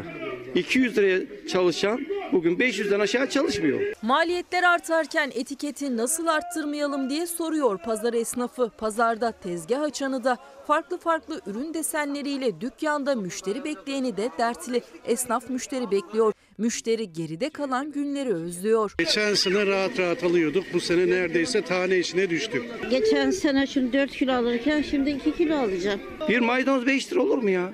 Bir maydanoz 5 lira. Müşteriler her hafta şikayet halindeler. Çünkü niye şikayet? E, 50'ye satıyordun bir hafta sonra 60 oldu. Adam diyor ki sen suç sen yapıyorsun. Ya kardeşim ben yapıyorum da yani bunun e, ben o şekilde alıyorum o şekilde satıyorum. Peki aradaki bu fark kime gidiyor onu ben de bilmiyorum. Para kazanıyor musun? Kazanmıyorum. Sinop kent merkezinde kurulan halk pazarında tezgah açan pazarcılar da, pazara gelip alışveriş yapanlar da hayat pahalılığından dert yandı. Kiloyla alan müşteri tane hesabına geçti. Geçen yıl semt pazarında yüzlerce kilo ürün satan esnafsa sinek avları oldu bu sene. Zaten fiyat kaç olursa olsun esnafın kazanacağı 1 lira 2 lira para. Yani böyle bir de- deli para kazanma şansın yok.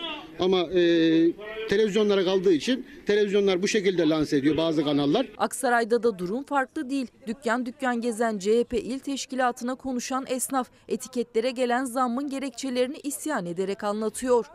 Fiyat pahalandı çünkü şey de pahalandı yani. Ham maddeler de pahalandı. Una, şekere, yağa. Yani Süt ürünlerine bir ay içinde 3 defa zam geldi. Bir de buradaki bütün elemanlar asgari ücretle çalışıyor. Pazarda sebze meyve satandan fırında simit satana kadar durum benzer. Esnaf maliyet diyor. Yaşanan artıştan bahsederken kapıyı %300'den açıyor. Hal böyle olunca esnaf adeta sinek avlıyor. Önceden şuraya güne en az 10-15 tane müşteri girerdi. Bunun 3'ü 5'i alışveriş yaptığı zaman bizi kurtarıyor. Aynı şartları... Ben sabahtan beri oturuyorum, oturmuş dizi izliyorum ya. Bilgisayarda dizi izliyorum. Gözlük satan esnaf da dertli. Eskiden 10-15 müşteri gelmiş olurdu dediği saatlerde sadece 2 müşteri ağırlamış sabahtan bu yana. Zaten onlar da bakıp çıkmış. Sağlık sıkıntısı için gözlük almaya gelenlerinse devletin sağladığı destek miktarına inanmadığını anlatıyor. Kapıdan içeri geliyor diyor ki bana devletin verdiği gözlükten istiyorum ben. Öyle bir şey yok. Abi diyoruz yani 50 lira veriyor. Cam, cam alamıyoruz. Bir tane camı, bir tane camı biz 50 liraya alamıyoruz. Poşeti 8 liraya alıyordum şu anda 38 lira. Başka bir şey durum var mı? Biri Sinop'ta 65 yaşında bir pazarcı, diğeri Aksaray'da optisyenlik yapan esnaf. Adresler ve ürün deseni farklı olsa da esnafın derdi aynı. Ortak derdimiz pahalılık, ortak derdimiz geçim sevgili izleyenler. Artık bu aşikar. Çok da peşine düşmeye gerek yok. Mesajlarınızdan da bu tablo ortaya çıkıyor. Peki şöyle bir evimi yenileyim. İşte ne bileyim sehpamın bacağı kırıldı yenisini alayım. Yok efendim gideyim de yeni bir koltuk takımı alayım gönlüme göre. İşte gardırobum yetmiyor, dolabım az, evime biraz depolama alanı yapayım. Çok pahalı, çok pahalı.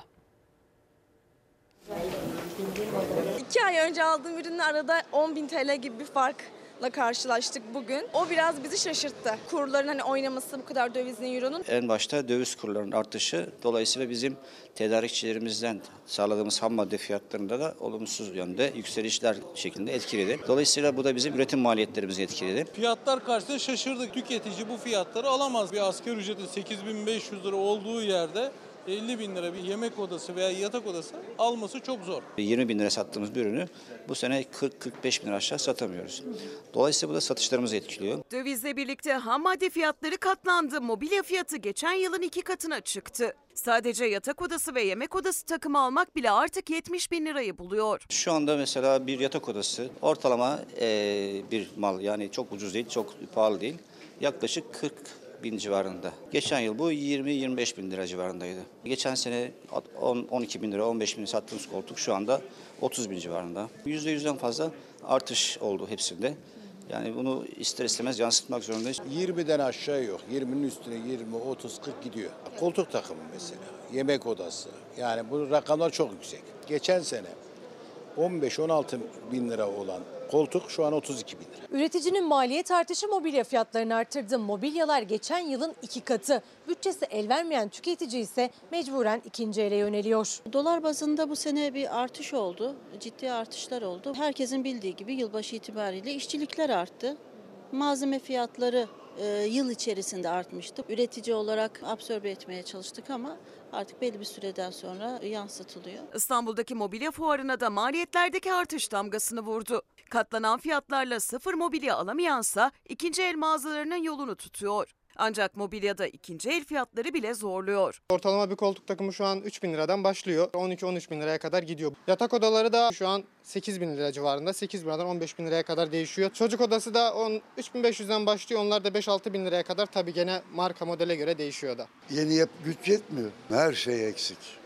Her şey. Ama gücümüz yok. Öğretmenler, işte hemşireler, öğrenciler, memurlar sıfırı alamayan diyeyim daha doğrusu. Gelip ikinci el alırlar yani. Devam ediyoruz sevgili izleyenler. Üreticinin, esnafın durumundan bahsettik. Ham maddenin pahalanması ile ilgili durumun ortaya koyduğu manzarayı gösterdik. Keşke o ham maddeyi sınırlarımızın ötesinden buraya getirmek zorunda kalmasak da dolardaki kur patlamasından da etkilenmesek. Bir evimize sehpa alırken bile dolardan bahsediyor olmasak keşke. Keşke cennet vatanımızda bunların hepsinin üretilme imkanı varken bu imkanın değerlendirildiğinden bahsetsek mesela.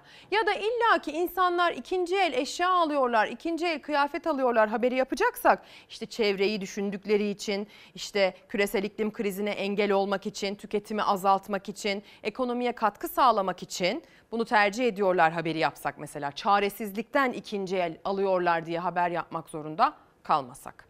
Hadi devam edelim Evrensel Gazetesi'yle manşetten kuraklık alarmı diyor bugün Evrensel. Son yılların en kurak dönemi yaşanırken barajlar alarm veriyor, bahar sulamaları yapılamıyor, bazı ürünler ekilemiyor, uzmanlar gıda fiyatları iyice el yakacak acil önlem şart diyor demiş bugün Evrensel. Kuraklık nedeniyle barajların doluluk seviyesi giderek düşerken Yozgat, Çorum, Amasya ve Tokat'ta on binlerce hektar alanı sulayan Çekerek Barajı'nda doluluk %10'a düştü. Ee, bazı ürünlerin ekilememesinin yanı sıra kuraklığın sebze ekim alanlarının daralmasına yol açması bekleniyor. Rekolte düşüş ve gıda rekoltede düşüş ve gıda fiyatlarında artış tehlikesi belirdi. Ziraat mühendisi Hakan Çakıcı yağış rejimine uygun yeni tarım politikaları şart dedi diyor. Milli Kuraklık Merkezi kurulmasını öneren Profesör Halim Ortan'ın ortalama sıcaklık 1-2 derece arttığında ortalama yağış %10 ve nehir debileri %40-70 arasında azalır tespitini yaptı. Kuraklığın göçü tetikleyeceğinin haberini verdi diyor. Kuraklık küresel bir göçü de beraberinde getirecek ve biz bulunduğumuz konum itibariyle yine maalesef bir geçiş noktası olacağız önümüzdeki 10 yıllar içerisinde. Şimdi gelin ülkemizin kuraklığına, kar yağışının kuraklığa ne kadar deva olup olmadığına bakalım.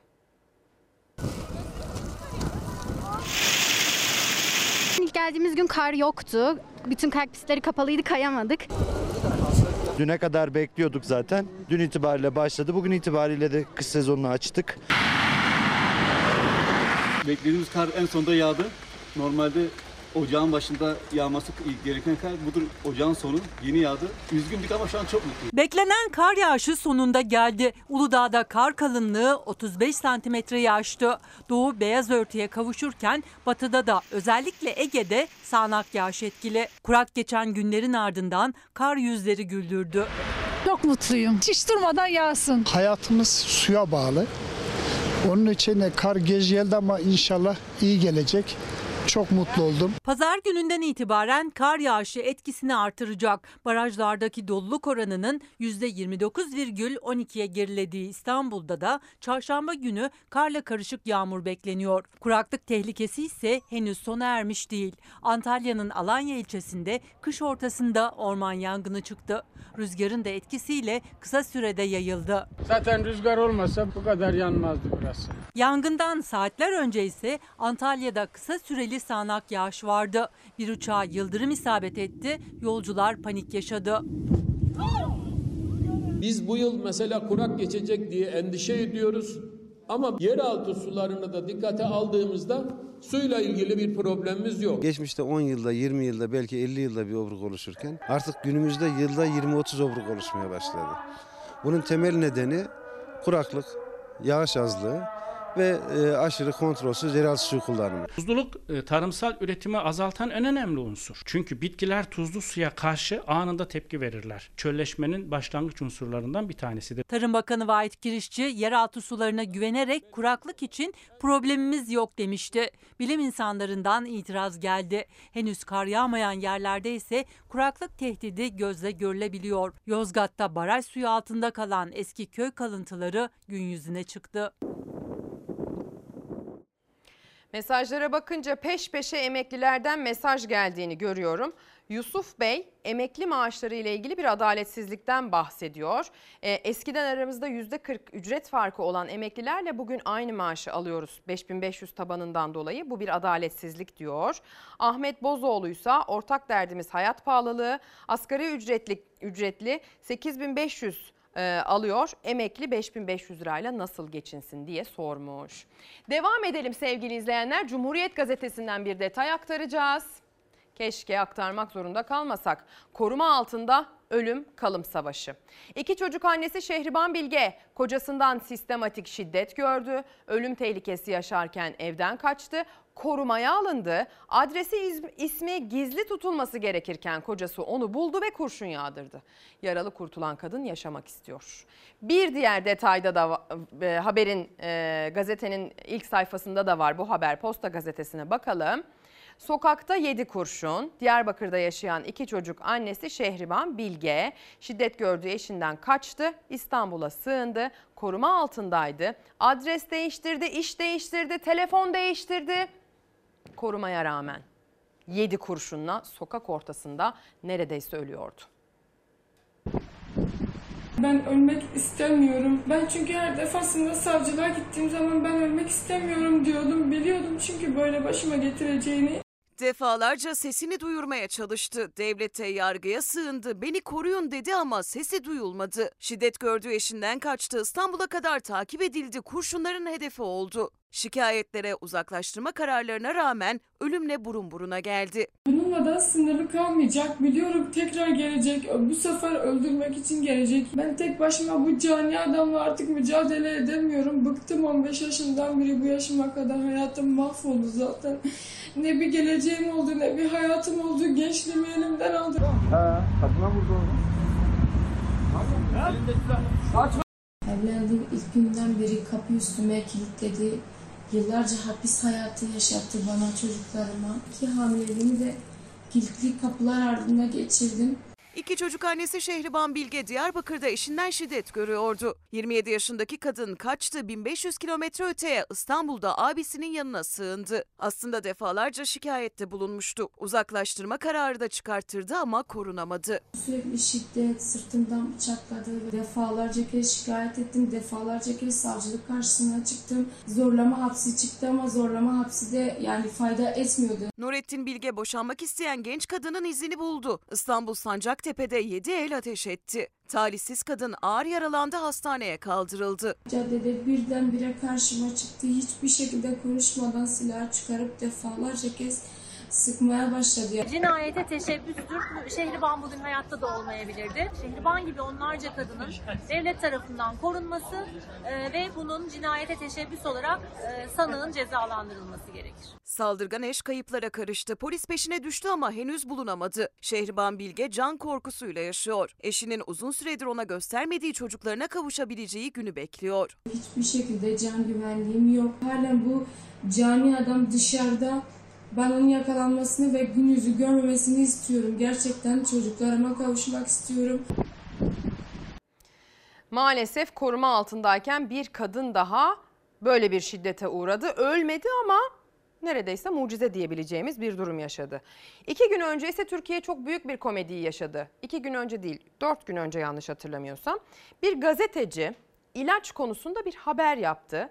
Haberin içinde eski AK Partili bir isim de, eski bir milletvekili de geçiyordu. Sonra hakkında dava açıldı ve şöyle bir karar verildi. Ailenin korunması ve kadına karşı şiddetin önlenmesine dair kanun kapsamında hakkında tedbir kararı verildi. Biliyorsunuz Murat Ağrel'den bahsediyorum. Yani keşke bu kanunu yerinde, zamanında, çok geç kalmadan ve hakkını vererek kullanan bir yargı sistemimiz olsa da koruma altında dediğimiz kadınları dahi kaybetme tehdidiyle karşılaşmasak. Gazete okumayacaktık değil mi yönetmenim? Devam ediyoruz. O zaman genç kızların haberiyle devam edelim. Onlar spora yönlendirildi. Bu sanat da olabilirdi, bu başka dallar da olabilirdi. Hayatla bağları taze kalsın, varlık göstersinler diye erken yaşta evlenmek zorunda kalmamaları için. Kadın voleyboluna erken yaşta evliliklerin önüne geçebilmek ve kadınların toplumda kısılan seslerine bir ses olabilmek amacıyla kadın sporuna önem vermeye başladım. Kızlar erken yaşta evlendirilmesin, spor yapsın, meslek sahibi olsun diye ailelerini ikna etti. Voleybol takımı kurdu. Şırnaklı voleybol antrenörü Yüksel Bayar'ın çabaları olumlu sonuç verdi. Toplum baskısıyla karşılaştık. Bu doğrudur ama ailem destek çıktı bana. Bu vesileyle şu ana kadar üniversitede okuyan yaklaşık 50-60 tane sporcum var. Beden eğitiminde farklı kulüplerde oynayan, e, öğretmen olan bir sürü öğrencim var. Onların varlığı benim için yeryüzünde yaşayabileceğim en büyük gururlardan biri. Dicle Üniversitesi Beden Eğitimi Öğretmeni Yüksel Bayar şahit olduğu ve çevresinde gördüğü erken yaştaki evliliklere kayıtsız kalamadı. Kızlar spora yönelmeli, okumalı diyerek ailelerin kapısını çaldı. Türlü zorluklarla karşılaştı ama pes etmedi. 2007'de Şırnak Kadın Voleybol takımını kurdu. Takımı toparlama konusu biraz problemli, meşakkatli oldu ama başardık. Ligde oynadıklarını görünce özellikle kız sporcularımızın beden eğitim bölümü ne eğilimlerinden sonra buradaki ailelerimizin de kızlarını yavaş yavaş spora yönlendirdiğini gördük. Bayar'ın yetiştirdiği öğrencilerden bir kısmı öğretmen oldu. Birçoğu da profesyonel takımlarda voleybol oynuyor. Buradakiler çok e, böyle olumlu bakmıyor spora. Çoğu insan, e, çoğu anne baba e, çocuğuna şu gözle bakıyor. Hani ya başka yere giderse ya da şöyle yaparsa. Ama inanın ki spora başlayan bir insan herhangi bir yere gitmez. Hataya yönelmez. Ön yargılı davranmayın. Kızlarınıza destek verin. Şırnaklı antrenör daha çok kız çocuğunu spora kazandırmak. Kızlarsa milli takıma girebilmek için daha çok çalışıyor. Bir yıldır buradayım. Kendime güveniyorum. O takıma da milli takıma da gideceğime inanıyorum. İşte böyle sevgili izleyenler bunlara ihtiyacımız var. Böyle bakış açılarına ihtiyacımız var. Cumhuriyet Gazetesi'nin manşeti bugün ilaçtan bahsediyor. Olmayan ilaçtan. İlaç bulmak mucize oldu. İktidarın devrim yaptım dediği yaptık dediği sağlıkta yokluk dönemi. AKP'nin yanlış politikaları sağlık sistemine darbe vurdu. Grip ilaçları da yaşamsal öneme sahip kemoterapi ilaçları da bulunamaz hale geldi. Yurttaş elinde reçeteyle eczane eczane dolaşır oldu. Yaklaşık 900 ilaca erişilemezken Sağlık Bakanı Sayın Koca krizin nedeninin hasta sayısındaki artışa bağlı olduğunu söyledi diyor. Bir kutusu altın kadar değerli. CHP Ankara Milletvekili Gamze Taşçıer yurttaşın yaşadığı sıkıntıya dikkat çekip şöyle söyledi. Eskiden altın günü düzenleyen insanlar ilaç günü düzenlemeye başladı. Şans eseri bulan olursa kutudakileri diğerleriyle paylaşıyor. İlaç meselesi önemli. Çok basit çocuk e, antibiyotiklerinin dahi bulunamadığının haberini bu ekrandan birkaç gün önce sizlere aktarmıştık. Bir de tabii ilaç dediğimiz zaman mercek tutmamız gereken başka bir konu da var. İlaç bulamıyoruz ama bir de kullanmayı çokça arttırdığımız bir ilaç grubu var. Antidepresan rekoru kırıldı. Antidepresan kullanımındaki artış alarm veriyor. 2012'de 37 milyon 280 bin kutu antidepresan satılmış. 2022'de ise 61 milyon 870 bin kutuya fırlamış. Yıllar içerisindeki artışı e, kutu bazında aktarmış. 2012, 2014, 2016 diye gidiyor ve sayı sürekli artıyor gördüğünüz gibi 61 milyona dayanıyor sonunda. E, CHP'li vekil Burhanettin Bulut konuyu ele aldı. İlaç konusundaki uzmanlığını da arkasına alarak. Bakın bu antidepresan kullanımındaki artışı neye bağladı? 2012 yılında antidepresan kullanım sayısı 37 milyon 280 bin 936 kutu. 10 yıl sonraki rakama bakalım. 2022 yılında antidepresan kutu sayısı 61 milyon 870 bin 998'de çıkmış. Yani 10 yılda antidepresan kullanım sayısı kutu bazında tam iki katına çıkmış. Bu rakam bile ülkedeki mutsuzluğun ifadesidir. Yine bir başka rakam söyleyeyim size. Vatandaşın bankalara, finansman şirketlerine olan borçları 1 trilyon 615 milyarı bulmuş durumda. Bu bile insanların antidepresan kullanımına itimine en önemli sebep olarak görülüyor. Bu bile aslında yeterli olabilir tabloyu ortaya koymak için diyor. Emekliler ekran başında ortak derdimiz asgari ücretliye %54 zam verilirken emekliye %30 verilmesi diyor. Ortak derdimiz artık emeklilerin gözden çıkarılmış olması demiş Faruk Bey. Ölmemizi bekliyorlar demiş. Allah sizi başımızdan eksik etmesin diyelim o zaman biz de onlara. Ee, bir kurtarma seferberliği, bir kurtarma hikayesi. Lan Allah! Arkadaşlar öldü mü? Arkadaşlar! Samsun'da herkesi cama balkona çıkaran, zamanla yarıştıran, endişeli bakışların nedeni 5 katlı bir binanın çatısına çıkan kedi. Bir gün boyunca inemeyince mahalleli kurtarmak için harekete geçti. Olay yerine polis ve itfaiye çağrıldı. Geniş çaplı kurtarma operasyonu başladı. İnsanlar geldikçe o kaçtı. Sonuçta kendini aşağıya bıraktı. Mahalleli nefesini tuttu. Kedi dört ayağının üstüne düştü. Alkışlar arasında sağ salim uzaklaştı. Bu kedi oraya nasıl çıktı? Kedidir bu.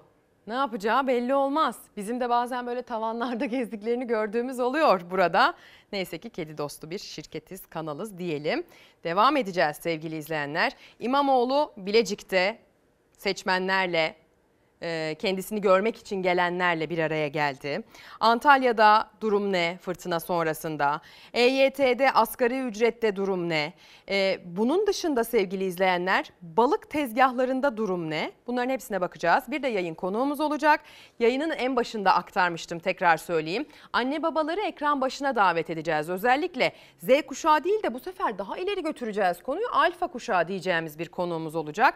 Kendisi mercek tuttu alfa kuşağına. Hem çocuklar hem anne babaları izlesin. Aslında anne babalarının çıkaracağı daha çok şey olacak gibi. Ama önce reklam. Günaydın sevgili izleyenler. Ekran başına bir kez daha hoş geldiniz. Çalar Saat hafta sonuna kaldığımız yerden devam ediyoruz efendim.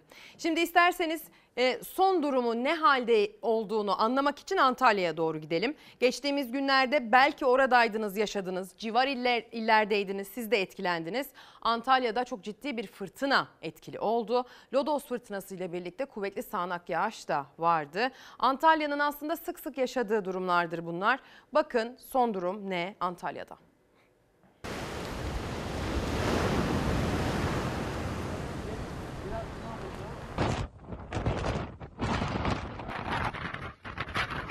Fırtına taş üstüne taş bırakmadı Antalya'da. Yolda yürümek bile mümkün olamadı. Rüzgar o kadar kuvvetliydi ki ağacı yerinden söktü. Kentte gündüzden geceye saatlerce süren fırtına ve yağmur sonrası manzara buydu.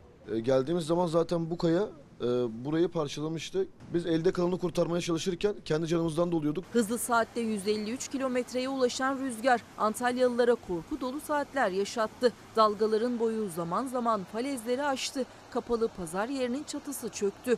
Dünyaca ünlü Düden Şelalesi terse doğru aktı. Araçlarından inip evine gitmek isteyen ikisi kadın 3 kişiyi de fırtına adeta geri püskürttü. İstanbul-Antalya seferini yapan uçağın kanat bölümüne Antalya Havalimanı'na inişi sırasında yıldırım isabet etti. Evlerinde mahsur kalanlar ekiplerin yardımıyla kurtarıldı. geldi yap. Yağmur ve fırtına dindi saatler sonunda. Ancak fırtına geçtiği her yerde maddi hasar bırakmıştı. Dalgaların metreleri bulduğu Konyaaltı sahilinde bazı işletmeler zarar gördü. Dev dalgaların yerinden söktüğü beton parçaları bir iş yerinin metal kepengini kırıp içeriye girdi. Suyla ve taşla dolan ev ve iş yerleriyle sahilde temizleme çalışmaları başlatıldı. Tersine akan şelalede ve dalgaların dövdüğü sahilde ertesi gün hava güneşliydi. Sıcaklığın 17 dereceyi bulduğu kentte güneşi görenler kendilerini dışarı attı. bir günden diğerine sanki başka bir adrese gitmişçesine bir değişim. Şimdi bir mezra, çiftçilerin üretim yaptığı tarlalar ve orada bir atık su iddiası.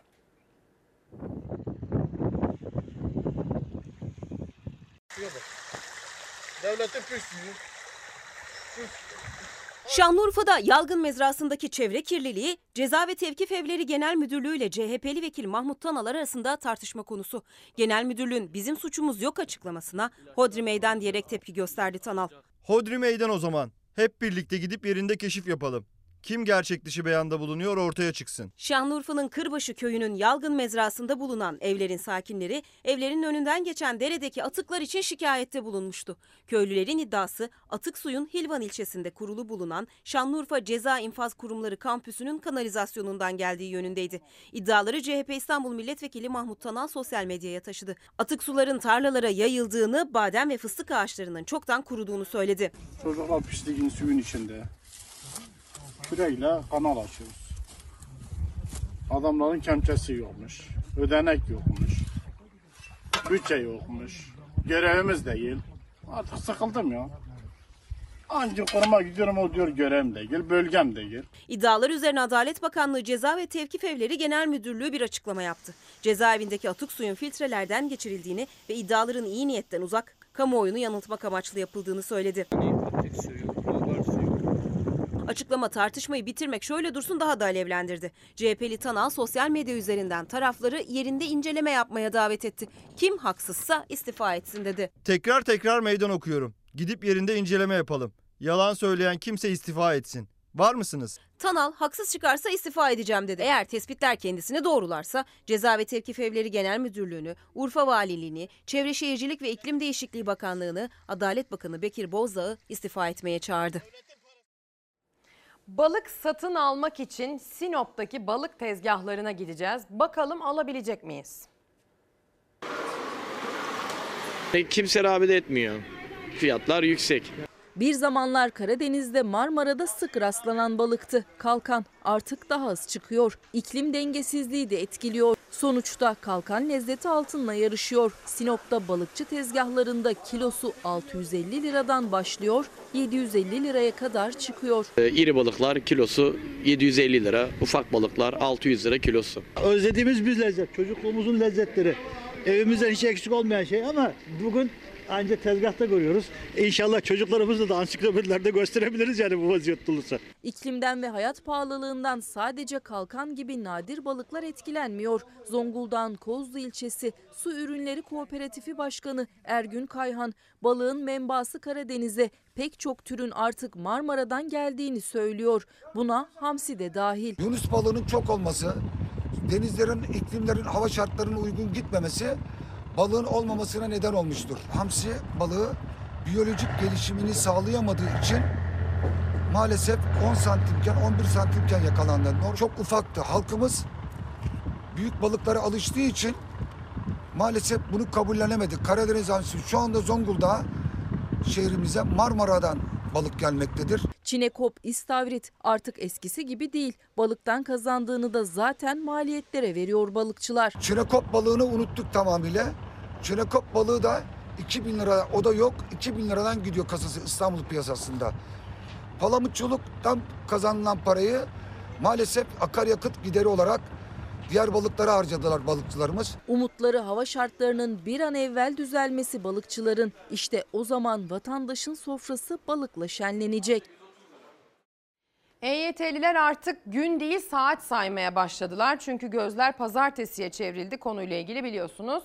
Sözcü gazetesi EYT'liye maaş oyunu diye bir başlıkla konuyu ele alıyor bugün. Emeklilikte yaşa takılanları aylarca oyaladıkları yetmiyormuş gibi bir de bu çıktı. 1,5 milyon EYT'li yasa çıkınca Mart'ta hemen maaş alabilecek mi? Maaşları Aralık ayına göre düşük mü olacak? İşte cevaplar. İktidar sözcüleri EYT'lilere Mart'ta ilk emekli maaşının ödenebileceğini açıklayıp boş beklenti yaratıyor. Çünkü Sosyal Güvenlik Kurumu'nun mevcut kapasitesiyle ayda ortalama 40 bin kişiye emekli aylığı bağlanabiliyor. Büyük yoğunluk yaşanacak. Emeklilik talebinde bulunanların hepsine Mart'ta aylık bağlanması imkansız. Ayrıca EYT'li geçen ay emekli olsaydı şimdi alacağı maaşa göre yüzde 13 daha fazla emekli maaşı alacaktı diyor. Bakın iktidarıyla muhalefetiyle EYT konusu nasıl konuşuluyor. İnşallah e, pazartesi günü teklifimizi meclis başkanlığımıza sunacağız. EYT ile ilgili kanun teklifimizi de pazartesi, salı günü verebiliriz. EYT'liler Akbaşoğlu'yla Elitaş arasında sıkışıp kaldılar. Elitaş pazartesi salı diyor, Akbaşoğlu pazartesi diyor. Hangi gün kardeşim? Ne zaman gelecek bu? EYT yasa teklifinin meclis başkanlığına sunulacağı tarihi hatta saati dahi vererek kesin konuşan AK Parti Grup Başkan Vekili Akbaşoğlu'nun aksine kesin değil diyerek salı günü de olabilir demişti. Bir diğer grup başkan vekili Mustafa Elitaş. Muhalefet rol savaşları diyor. Düğüm kör düğüme döndü tepkisi yükseltiyor. Muhtemelen olağanüstü bir şey olmadığı takdirde kesin demek istemiyorum çünkü hayatta kesin diye bir şey söylemek yanlış olur. Yüzde yüz diyorum. Mart ayı içerisinde inşallah alacaklar diye düşünüyorum. Birisi oklava diyor, diğeri baklava diyor. Resmen rol çalma peşindeler. Mağdur olan EYT'liler oluyorlar. Pazartesi günü saat 11'de bir basın açıklamasıyla neleri ihtiva ettiğiyle ilgili nasıl bir kapsam içerisinde olduğunu kamuoyuna duyuracağız inşallah. EYT'ler için bir gün bile önemli, bir saat bile önemli. Çünkü bu insanlar borçlanmışlar ama maalesef iki grup başkan vekili arasında yılan hikayesine dönmüş. Muhalefete göre milyonlarca EYT'linin beklediği yasa teklifi AK Parti'nin iki grup başkan vekili arasına sıkışmış durumda. Çünkü iki isim Akbaşoğlu ve Elitaş daha önce de karşı karşıya gelmişti. Elitaş'ın tarih istemeyin açıklamasına karşı Akbaşoğlu kesin cümleler kurmuştu. En kısa sürede bu konuyla ilgili kanun teklifimizi Türkiye Büyük Millet Meclisi Başkanlığı'na sunacağız. Bizden bir tarih istemeyin. Söz veremiyoruz. Bu bile onların samimiyetsizliğini gösteriyor. EYT'nin prim yaptığını e, kendileri de görüyor. Akbaşoğlu'nun EYT için verdiği tarih ve saat pazartesi günü saat 11'de. Millet İttifakı da hükümet programını açıklayacak. Aklınca sabote etmeye çalışıyorlar. Aklınca bizim açıklamamızın önüne geçmeye çalışıyorlar. Siz ne yaparsanız yapın, hangi filmi çevirirseniz çevirin, bu millet artık size yol vermeyecek. Bir ayak oyunu yapıyorlar. Altılı masanın sesini kısmaya çalışıyor. Biliyor ki o ses kısılmayacak. Altılı Masa'nın sesini kısamazsınız. Altılı Masa'nın politika metni kurtuluş reçetesidir. Vatandaş bunu dinleyecektir. EYT yasa teklifi Akbaşoğlu'na göre pazartesi günü sunulacak meclis başkanlığına. Elitaş'a göre salıda sunulabilir. 48 saat sonra ortaya çıkacak. Ama sunulması halinde Plan Bütçe Komisyonu'na gelmesi ardından genel kurulda yasalaşma süreci de var. EYT'lilerin gözü kulağı mecliste. Bağkurlularsa burada bir adaletsizlik, bir haksızlık var diyorlar. Bir de onlara kulak verelim. EYT diyorlar. Kardeşim 9 bin gün istiyorlar. Ben 92'den kaydım var. Benim 7 bin günüm var. 7 bin günüm emekli olamıyorum. Neden? Bağkurlular e, 9 bin günden, e, SSK'lılar 5 bin günden. Şimdi e, ben şimdi yanımda eleman çalıştırıyorum. 5 bin günden emekli oluyor. Ben kendim Bağkur ödüyorum. 9 bin günden oluyorum. Arada var 4 bin. Peki bu adalet neresinde bu işin? Madem ki EYT çıkmışsa e, SSK 5 binden oluyor, emekli oluyorsa Bağkur da 5 binden emekli olması lazım. Bu aradaki fark uçurum. Yani bir an önce e, devletin buna da bir çare bulmasını istiyoruz. Şimdi 5 bin günü çalışan, benim yanımda çalışan adam işçi emekli oldu. Ben olamıyorum. Neden? Esnaflık zaten battık. Ona ihtiyacımız var. Yani dengesizlik var. Haksızlık var. Haksızlık, dengesizlik, adaletsizlik sesleri pek çok farklı konuda yükseliyor. Örneğin Karar Gazetesi'nin manşetindeki minikler, çocuklar. Devlet bu ayıbı bitirsin artık manşetini atmış karar bugün. Sokakta metroda SMA hastası çocuklar için yardım toplayan aileler zamana karşı yarışı kaybetmeye başladı. Son dönemde kur ve dolandırıcıların etkisiyle kampanyalar hedefine ulaşamadı. İki gün sonra toplanacak bilim kurulu öncesi kamuoyunda ortak beklenti oluştu. Sosyal medya fenomenleri yerine devlet görevini yapsın, çocuklar yaşatılsın diyor bugün karar manşetten. Unutmamamız lazım onları. Evranur tip bir ölümcül kasasız. Evranur bizim tek kızımız, tek evladımız. Benim oğlum gün gittikçe gözümün önünden eriyor.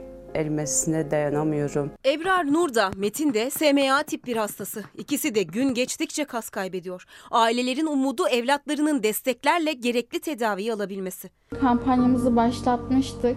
Ama maalesef ki kampanyamızla çok ilgilenemediğimiz için şu anda kampanyamız çok çok geride kaldı. Başlatalı aylar oldu ancak hala çok geride kampanyaları. Ebrar Nur İnan 3,5 yaşında. Ebrar Nur'da NG yani beslenme sontası takıldı burnundan midesine kadar uzanan. O şekilde sıvı bir şekilde beslenmeye başlandı. İstanbul'da yaşayan aile kızları hayata tutunsun diye ellerinden geleni yapıyor. Kampanya tamamlansın, Ebrar Nur yurt dışında gerekli tedaviyi alabilsin istiyorlar. Bir tedavisi varken ben kızımı bu tedavi şansını kaybetsin istemiyorum.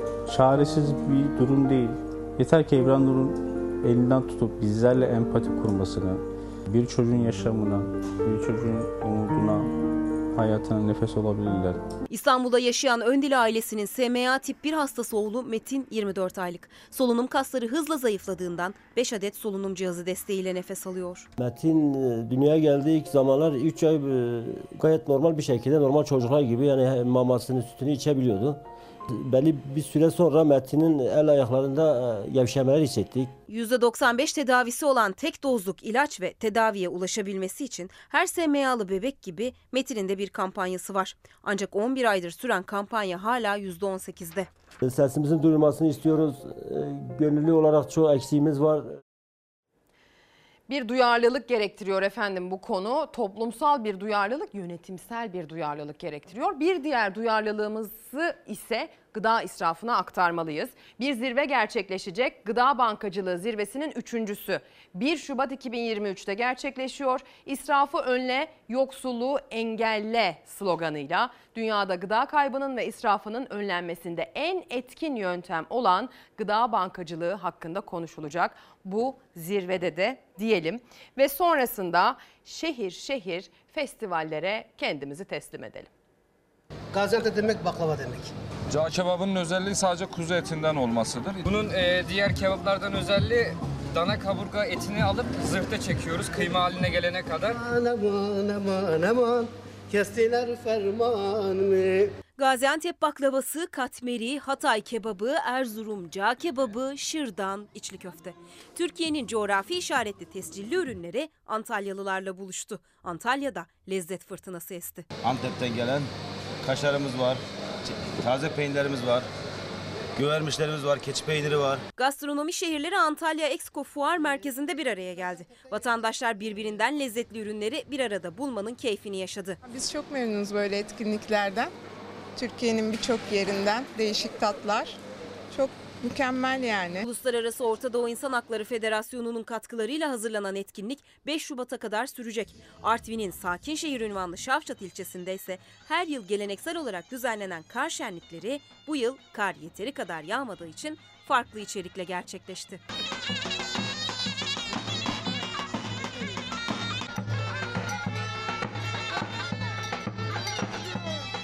...600 yıllık geçmişe sahip tahta kızak yarışmaları kar yağışı olmayınca yapılamadı. Her yıl Yavuzköy'de yapılan şenlikler ise ilçe merkezine alındı. Şenlikler gece birbirinden farklı sanatçıların sahne alacağı konserlerle devam ederken... ...son gününde offroad yarışlarıyla son bulacak. Rize'nin Çamlıhemşin ilçesinde Ayder Yaylası'nda her yıl düzenlenen Kardan Adam Festivali 15. kez başladı. Yeterli kar olmadığı için kamyonlarla kar taşınarak kardan zil kale, ev ve kemer köprü gibi heykeller yapıldı. Karsız yapılan festivale katılım yine de yoğun oldu. İstanbul Ümraniye ise 5 Şubat'ta yapılacak 1. İspir Kuru Fasulye ve Kültür Festivali'ne hazırlanıyor. Festival öncesinde Erzurum'da Yakutiye Kent Meydanı'nda festivalin tanıtım programı gerçekleştirildi. Sabahın erken saatlerinden bu yana anonsunu yapıyorum. Diyorum ki anneler babalar ekran başına geçsinler. Çünkü çocuklar anlatacak, anneler babalar dinleyecek diye. Tuluhan Tekelioğlu bir belgesel ele aldı. Bir belgeselde 6-13 yaş arasındaki alfa kuşağını ele aldı. Aslına bakarsanız Z kuşağına çok odaklandığımız günlerde bir de bakalım bunların durumu neymiş dedirten bir yapım ortaya çıktı. Kendisi birazdan yayın konuğumuz olacak ama isterseniz öncesinde o belgeselin tanıtımı aracılığıyla çocuklara bir kuple kulak verelim. Benim arkadaşım var. Sürekli yalan söylüyor. Dünyanın en büyük sorunu e, savaş ve sevgisizlik bence. Mesela kimle e, tanklayı falan bulduk silahlayı. E, hiç savaşmasak da olurdu. Yani savaşınca bir şey mi oluyor? Sadece ülke biliyor. Dedim öğretmenim ben şarkıcı olacağım. Dedi sakın öğretmen olma yoksa kafan şişer. Benim sabahtan akşama kadar kafam şişiyor. Minnacık bir kalem alıyoruz o bile 100 lira oluyor. Dolar çok artıyor. Ee, bana göre mutluluk parayla alınacak bir şey değildir. Evet bir kere aşık oldum. Anlatmasam. Türkiye'de benim üzerim bu şey var. İki şey var. Bir kötü insanlar. Saçlarımın hepsi su içinde kaldı. Süper gücüm olsa annemin yerine bütün işleri yapardım. Sabahtan akşama kadar oturmuyor. İleride bilim insanı ya da mucit olmayı hayal ediyorum.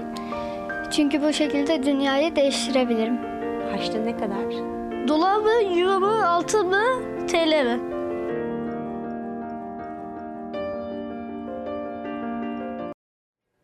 Çocuklar hep doğruyu söyler. Aslında çocuğu olan ebeveynler bunu bizzat bilirler, yaşarlar. Ama tabii bu belgeselde toplanınca galiba daha bütüncül bir mesaj ortaya çıkıyor değil mi Tulan Tekelioğlu? Hoş geldiniz. Hoş bulduk. Günaydın, nasılsınız? Günaydın, iyiyiz. Çocukların hepsi de zaten şu an sizi izliyorlar. Aa, merhaba, o zaman onlara da kocaman günaydın. Farklı farklı şehirlerde galiba çekim Ee, yaptınız Hem de mi? çok farklı yani Zonguldak'tan Antakya'ya kadar, Mardin'e kadar e, epey çocukla e, çalıştım. Hatta onlar galamıza bile geldiler. Yani hayatında sinema görmemiş çocuklar kendini sinema perdesinde izlediler. O yüzden çok anlamlı oldu. Ee, filmimiz de çok güzel çünkü ilk kez alfa kuşağından bir ses oldu Türkiye'ye filmimiz. Galanan bir fotoğraf mı Evet bu? 6-12 yaş arasındaki çocuklar. Alfa kuşağı bu değil Alfa mi? kuşağı. Alfa- Yani hepimiz Z kuşağına çok yoğunlaştık ama alfa kuşağının nasıl olduğunu, neler düşündüğünü, dünya ile ilgili beklentilerini, eleştirilerini hiçbir şeyi bilmiyoruz. İstedim ki onlardan bir ses olsun. E, Çünkü e, yakında seçimler var mesela siyasetçiler acaba alfa kuşağını görüyorlar mı? Çünkü onlar 10 yıl sonra oy kullanacaklar ve onların bugünkü dünyalarında, bugünkü kafalarında, bugünkü e, klasik geleneksel e, siyaset yok. Yani hatta televizyon bile yok. Hepsi YouTube'dalar. Televizyon yakında onlar için gramofon. Onu size söyleyebilirim. E, çok Çünkü değişikler. akıllı cihazlarla daha çok muhataplar. Tabii Yani- imkanı olduğu ölçüde bu çocuklar bunlarla muhatap Şunu oluyor. söyleyebilirim bir kere e, hiçbir kuşağa benzemiyor onlar. E, dijital çağın çocukları hepsinin çevrimiçi bir hayatları var E, ve e, bütün dünyanın e, şu an dünyadaki üretim hızımız e, tüketim hızımızdan daha az. Dünyayı tüketiyoruz ve onlar bunun farkındalar. Dünya ile ilgili bütün e, zorlukların, bütün o e, tüketimin üzerlerine yığılacağını biliyorlar. Çocuklar şimdiden ciddi bir farkındalık geliştirmişler. Hangi yaşta olurlarsa olsunlar gerçekten söyledikleri şeylerle e, insanlar e, salondan ayrılamadı. Duvara çarptı yetişkinler. Bir insanlık ve değerler yüzleşmesi filmi oldu Alfa Kuşağı'nda. Böyle çocuklar doğarlar, büyürler. Biraz da böyle son kuşağın çocukları özellikle konuşmaya daha yatkın. Ee, kendi çocukluğumuzla ya da işte kardeşlerimizin çocukluğuyla kıyasladığımızda daha olgun, daha şaşırtıcı cümleler kurmalarıyla bilinirler. Her evde onlardan bir tane vardır. Ya işte yeğendir, ya evin çocuğudur, ya torundur bir şekilde. Bak neler söylüyor dedirten bir çocuk vardır aslında. Ya çünkü bak neler Ama söylüyor diyoruz kuşak- ama dinlemiyoruz onları.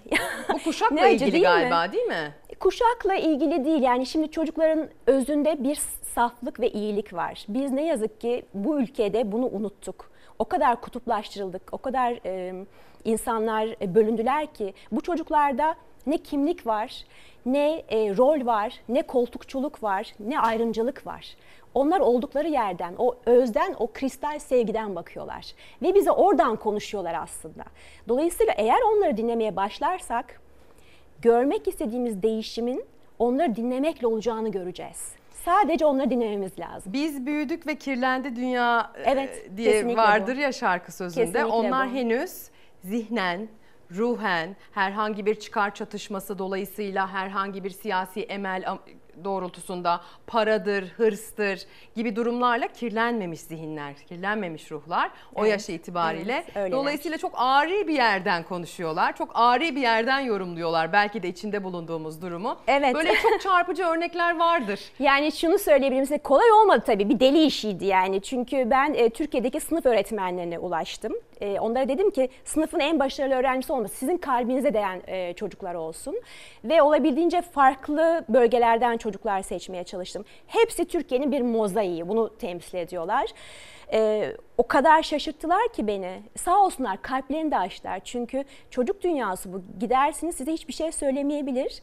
E, Oldu mu ama öyle öyle olmadı. Hayır öyle olmadı. Öyle olmadı. Yani hepsiyle çok güzel duygusal bağım oldu ve bu dönemde tabii belgeselcilik zor da bir iş yani zamanın ruhunda.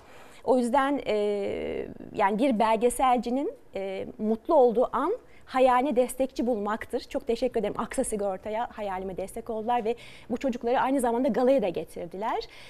E, o kadar farklı çocuklar ki yani he- hangisini anlatsam şimdi hepsi bizi izliyorlar. 20'sinin de adını söylemem lazım burada. E, Eksik kalırsa üzülen Aralarında olur, mülteci kırılan çocuklar olur. da var. Yani bizim mültecilere yaklaşım birazcık o çocuklardan da göreceğiz. Yani bir Afgan mülteci de var, bir Suriyeli mülteci de var. Aralarında- Birbirlerine, birbirleriyle ilgili yorumları ne? Ee, bir kere birbirleriyle kaynaştılar. Onu görüyorsunuz. Yani e, o- kadar o özden bakıyorlar ki e, hiç böyle hemen İstanbul'da birbirleriyle kaynaştılar, birbirleriyle arkadaş oldular. Hatta grup kurduk. Çocuklar hep doğruyu söyler grubunu kurduk. Ve e, Yazışıyorlar oradan. e, yazışıyorlar E, ve e, şey istiyorlar yani biz kendimizi bir daha ne zaman izleyebiliriz, ne zaman görebiliriz bir sinema ekranında. E, şunu yapacağız. Bütün bu kentlerde ilk gösterimler hak ediliyor. Antakya'dan dört çocuğumuz var. İnşallah Lütfü Savaş bize kapılarını açar. Hatay Büyükşehir Belediye Başkanı 23 Nisan 2023'te. Eminim kulağına gidecektir. 100. yılımızda Hatay'da bir gösterim yaparız. İstanbul'da gösterimimiz oldu. E, Mardin'de yaparız e, inşallah e, Zonguldak'ta yaparız ve Umarım güzel e, sonuçlar doğurur seçim ve ana akım medyanın kapıları da bize açılır. Bir televizyon kanalında filmimiz e, insanlarla buluşur çünkü e, Türkiye'nin bu güzel çocukların sesini duymaya çok ihtiyacı var yetişkinlerin özellikle. Bizler açıkçası birazcık e, yorulduk. Çok umutsuz haberlerden, e, umutsuz zamanlardan geçiyoruz. Büyük bir yoksulluktan ve ekonomik krizden geçiyoruz. Bu çocukların söyleyeceği şeyler bizi umutlandıracaklar ve her birinin aslında ne kadar e, birçok şeyden haberdar olduklarını da göreceğiz. Yani biri diyor ki harçlı ne kadar diye soruyorum. Euro mu, dolar mı, altın mı, TL mi diyor. Yani e, parasını euro da tutuyormuş. Eyvah. Fevzi Mert. e, sevgilerim sana. E, yani hepsi mesela e, Zilan, e, Çaycuma'da bir roman kızı. E, çocuk olmanın en zor tarafı nedir Zilan diye sordum. Çocuk olmanın en zor tarafı dışlanmak dedi. E, biri dedi ki Delal, Delal Mardinli bir çocuk. Sosyal medya ile ilgili ne düşünüyorsun dedim. Instagram mı dedim. Mesela dedi birinin dedi seni sokakta beğenmesi like yerine geçebilir. Neden biz kendimizi o kadar gösteriyoruz ki? Ya böyle çok güzel saptamaları var. E, bu yüzden e, açıkçası onları dinlemek çok önemli. Alfa kuşağının Büyükler bir için. sonraki kuşaktan farkı biraz da böyle ergenliğe de henüz tam girmemiş. Evet. Hani onun hormonal dengelerine de Evet. kapılmamış, dengesizliklerine de kapılmamış. Hepimiz geçtik o yollardan. Sanırım o yüzden de daha böyle ari bir yerden, daha böyle masum bir yerden konuşuyorlar diye düşünüyorum. Ben şimdi kendi oğlumu düşünüyorum. Aslında bu gruba girmiyor. 4 Kaç yaşında, yaşında? Hı, 4 yaşında biraz fazla 4 yaşından. Ama mesela aklıma gelen örneği şu oldu. Ee, kendi doktoru sürekli götürdüğümüz doğduğundan beri bir erkek. Sonrasında da hep bir şekilde erkek denk geldi. Gittiğimiz doktorlar farklı uzmanlıklarda gitmemiz gerektiğinde. Sonra bir gün sordu. Kadınlar neden hep hemşire? Diye sordu mesela. Yani onlar çok iyi gözlemliyorlar, müthiş gözlemliyorlar. Sonrasında ben ona bunun böyle olmadığını, aslında bize denk gelmediğimizi falan e, öğrettim. Anlatmaya çalıştım ama tabii göstermek de lazım. İşte bir fırsat oldu. Anneannesine gittiğinde bir doktora gitti. Kadın doktora denk geldi. Hemen altını çizme gereği duydum. Bak gördün mü doktor teyze falan diye. Yani öyle ari bir yerden bakıyorlar, öyle saf bir yerden bakıyorlar ki. Gerçekten bakıyorlar aslında. Çok aslında çıplak bir gerçek koyuyorlar önümüze. Evet, aynen duymak, öyle. Evet, Duymak, duymak ve görmek lazım. E, Dolayısıyla bu bence bilim insanlarına da bir e, çalışma alanı yaratacaktır belgeselimiz. E, Buradan bu filmden istatistik de çıkacaktır. E, Çok değişik bilgiler de çıkacaktır. Çok değişik çalışma alanlarına vesile de olacaktır. O yüzden anlamlı Alfa Bir kuşağından kere daha ilk ses. izleyelim mi yönetmenim? Zaten çok uzun da değil, süremiz de müsait. İsterseniz o çocuklara bir kez daha kulak verelim. Hani dedik ya dinlemeyi bilmek lazım. Bu sefer böyle daha duyarlı bir yerden dinleyelim. Farklı mesajlar çıkarırız belki hep beraber. Benim arkadaşım var. Sürekli yalan söylüyor. Dünyanın en büyük sorunu e, savaş ve sevgisizlik bence. Mesela kimler e, tanklayı falan bulduk silahlayı. Her, hiç savaşmasak da olurdu. Yani bir şey mi oluyor? Sadece ülke biliyor. Dedim öğretmenim ben şarkıcı olacağım. Dedi sakın öğretmen olma yoksa kafan şişer. Benim sabahtan akşama kadar kafam şişiyor. Minnacık bir kalem alıyoruz o bile 100 lira oluyor. Dolar çok artıyor. Ee, bana göre mutluluk parayla alınacak bir şey değildir. Evet bir kere aşık oldum. Anlatmasam. Türkiye'de benim üzerime bir şey var. İki şey var. Bir kötü insanlar. Saçlarımın hepsi su içinde kaldı. Süper gücüm olsa annemin yerine bütün işleri yapardım. Sabahtan akşama kadar oturmuyor. İleride bilim insanı ya da mucit olmayı hayal ediyorum. Çünkü bu şekilde dünyayı değiştirebilirim. Haçta ne kadar? Dolar mı, euro mu, altın mı, TL mi? Ten rengi bilmiyorlar. Etnik köken bilmiyorlar. Ee, din, mezhep bunlara dair ayrımları bilmiyorlar. Sınırlara dair, siyasi anlamda coğrafyamızın bölünmelerine, bölümlerine dair hiçbir çıkarları, hiçbir endişeleri yok. Ee, henüz dünyanın ve insanlığın maalesef tırnak içinde çirkinliğiyle tanışmamış durumdalar. Dolayısıyla çok tatlı bir yerden konuşuyorlar. Evet ve filmimiz Yaşar Kemal'in o çok güzel sözüyle başlıyor. İnsan yeryüzünde gövdesi kadar değil, yüreği kadar yer kaplar. Ee, belki boyları küçük küçükler ama kocaman bir yürekleri var. O kocaman yürekleriyle insanlığa, insanlığı anlattılar. O yüzden ben o yürekli çocuklara çok teşekkür ederim. Galamıza gelen özel okullar vardı. Çünkü bu e, çocuklar öyle hani zengin falan çocuklar değil. E, Marka dolayısıyla hiç söylemeyeceğim. Onlar e, sağ olsunlar bazı bazı çocuklara burs verdiler, tablet sağladılar. İşte kardeş okulu oldular ve bunun yaygınlaşması çok değerli ve çok önemli. Alfa kuşağı 20 milyon Türkiye'de. Bu çocuklar 10 sene sonra oy kullanacaklar. Dolayısıyla bugünün siyasileri o çocukları şimdiden dikkate almalılar. Çünkü onların e, düzeyine gelmek zorundalar. Yani ayrımcılık yapmayacaklar, koltukçu olmayacaklar, kutuplaşma yapmayacaklar. Bu çocuk bunları kesinlikle karşılar ve dünyanın geleceğini önemseyecekler. Bizler çocuklara çok kötü bir dünya bıraktık. Yani o dünyayı tükettik, mahvettik, kirlettik ve çocukların önüne koyduk. O çocukların üstünde kocaman bir yük gibi bu dünya ve onlar şimdiden bütün bu sorumlulukla birlikte yüzleşmiş, e, e, karşılaşmış durumdalar ve onlar bize çok şey anlatıyorlar. Umarım bu belgesel çok şeyde vesile olur. Belki de biz yetişkinlere buradan çıkacak mesaj da şu. Onları dinlerken, onlara kulak verirken e, dinlemeyi de önemsemek lazım galiba. Hangi duygu dünyasından neyi neden söylediklerine de daha iyi bakmak gerekiyor. daha böyle 2000 içerik analizi tabii bir de yaparak 2023 yaklaşmak yani gerekiyor 23 galiba. Nisan 2023 diye baktığımız zaman bize çok şey anlatıyor. Cumhuriyetimizin 100. yılı. Cumhuriyetin 100. yılında çocuklardan e, insanlığa bir e, film çok anlamlı oldu. Yetişkinler lütfen artık çocukları göz ardı etmesinler. Onları dinlemeyi öğrensinler. Çünkü geleceğimiz çocuklar. Yani bu toprakları çocuklara bıraka- bırakacaksınız ve çocukların da bu topraklarda yaşama hakları var. Onların da bir gelecek isteği, hayali, taahhütleri var. Z kuşağını kaçırdınız, gidiyorlar ülkeden. Ama bu ülkede bu çocuklar yaşamak istiyorlar. Lütfen onları dinleyin istedik. Ve bu belgeselde Türkiye'nin çocuklarına armağanımdır. Çok teşekkür ediyoruz. Sosyal medyanın gücüyle aslında belki de sınırlar, bin kilometreler e, ötedeki yaşıtlarıyla kendi hayatlarını kıyaslama şansına sahip bu çocuklar bambaşka.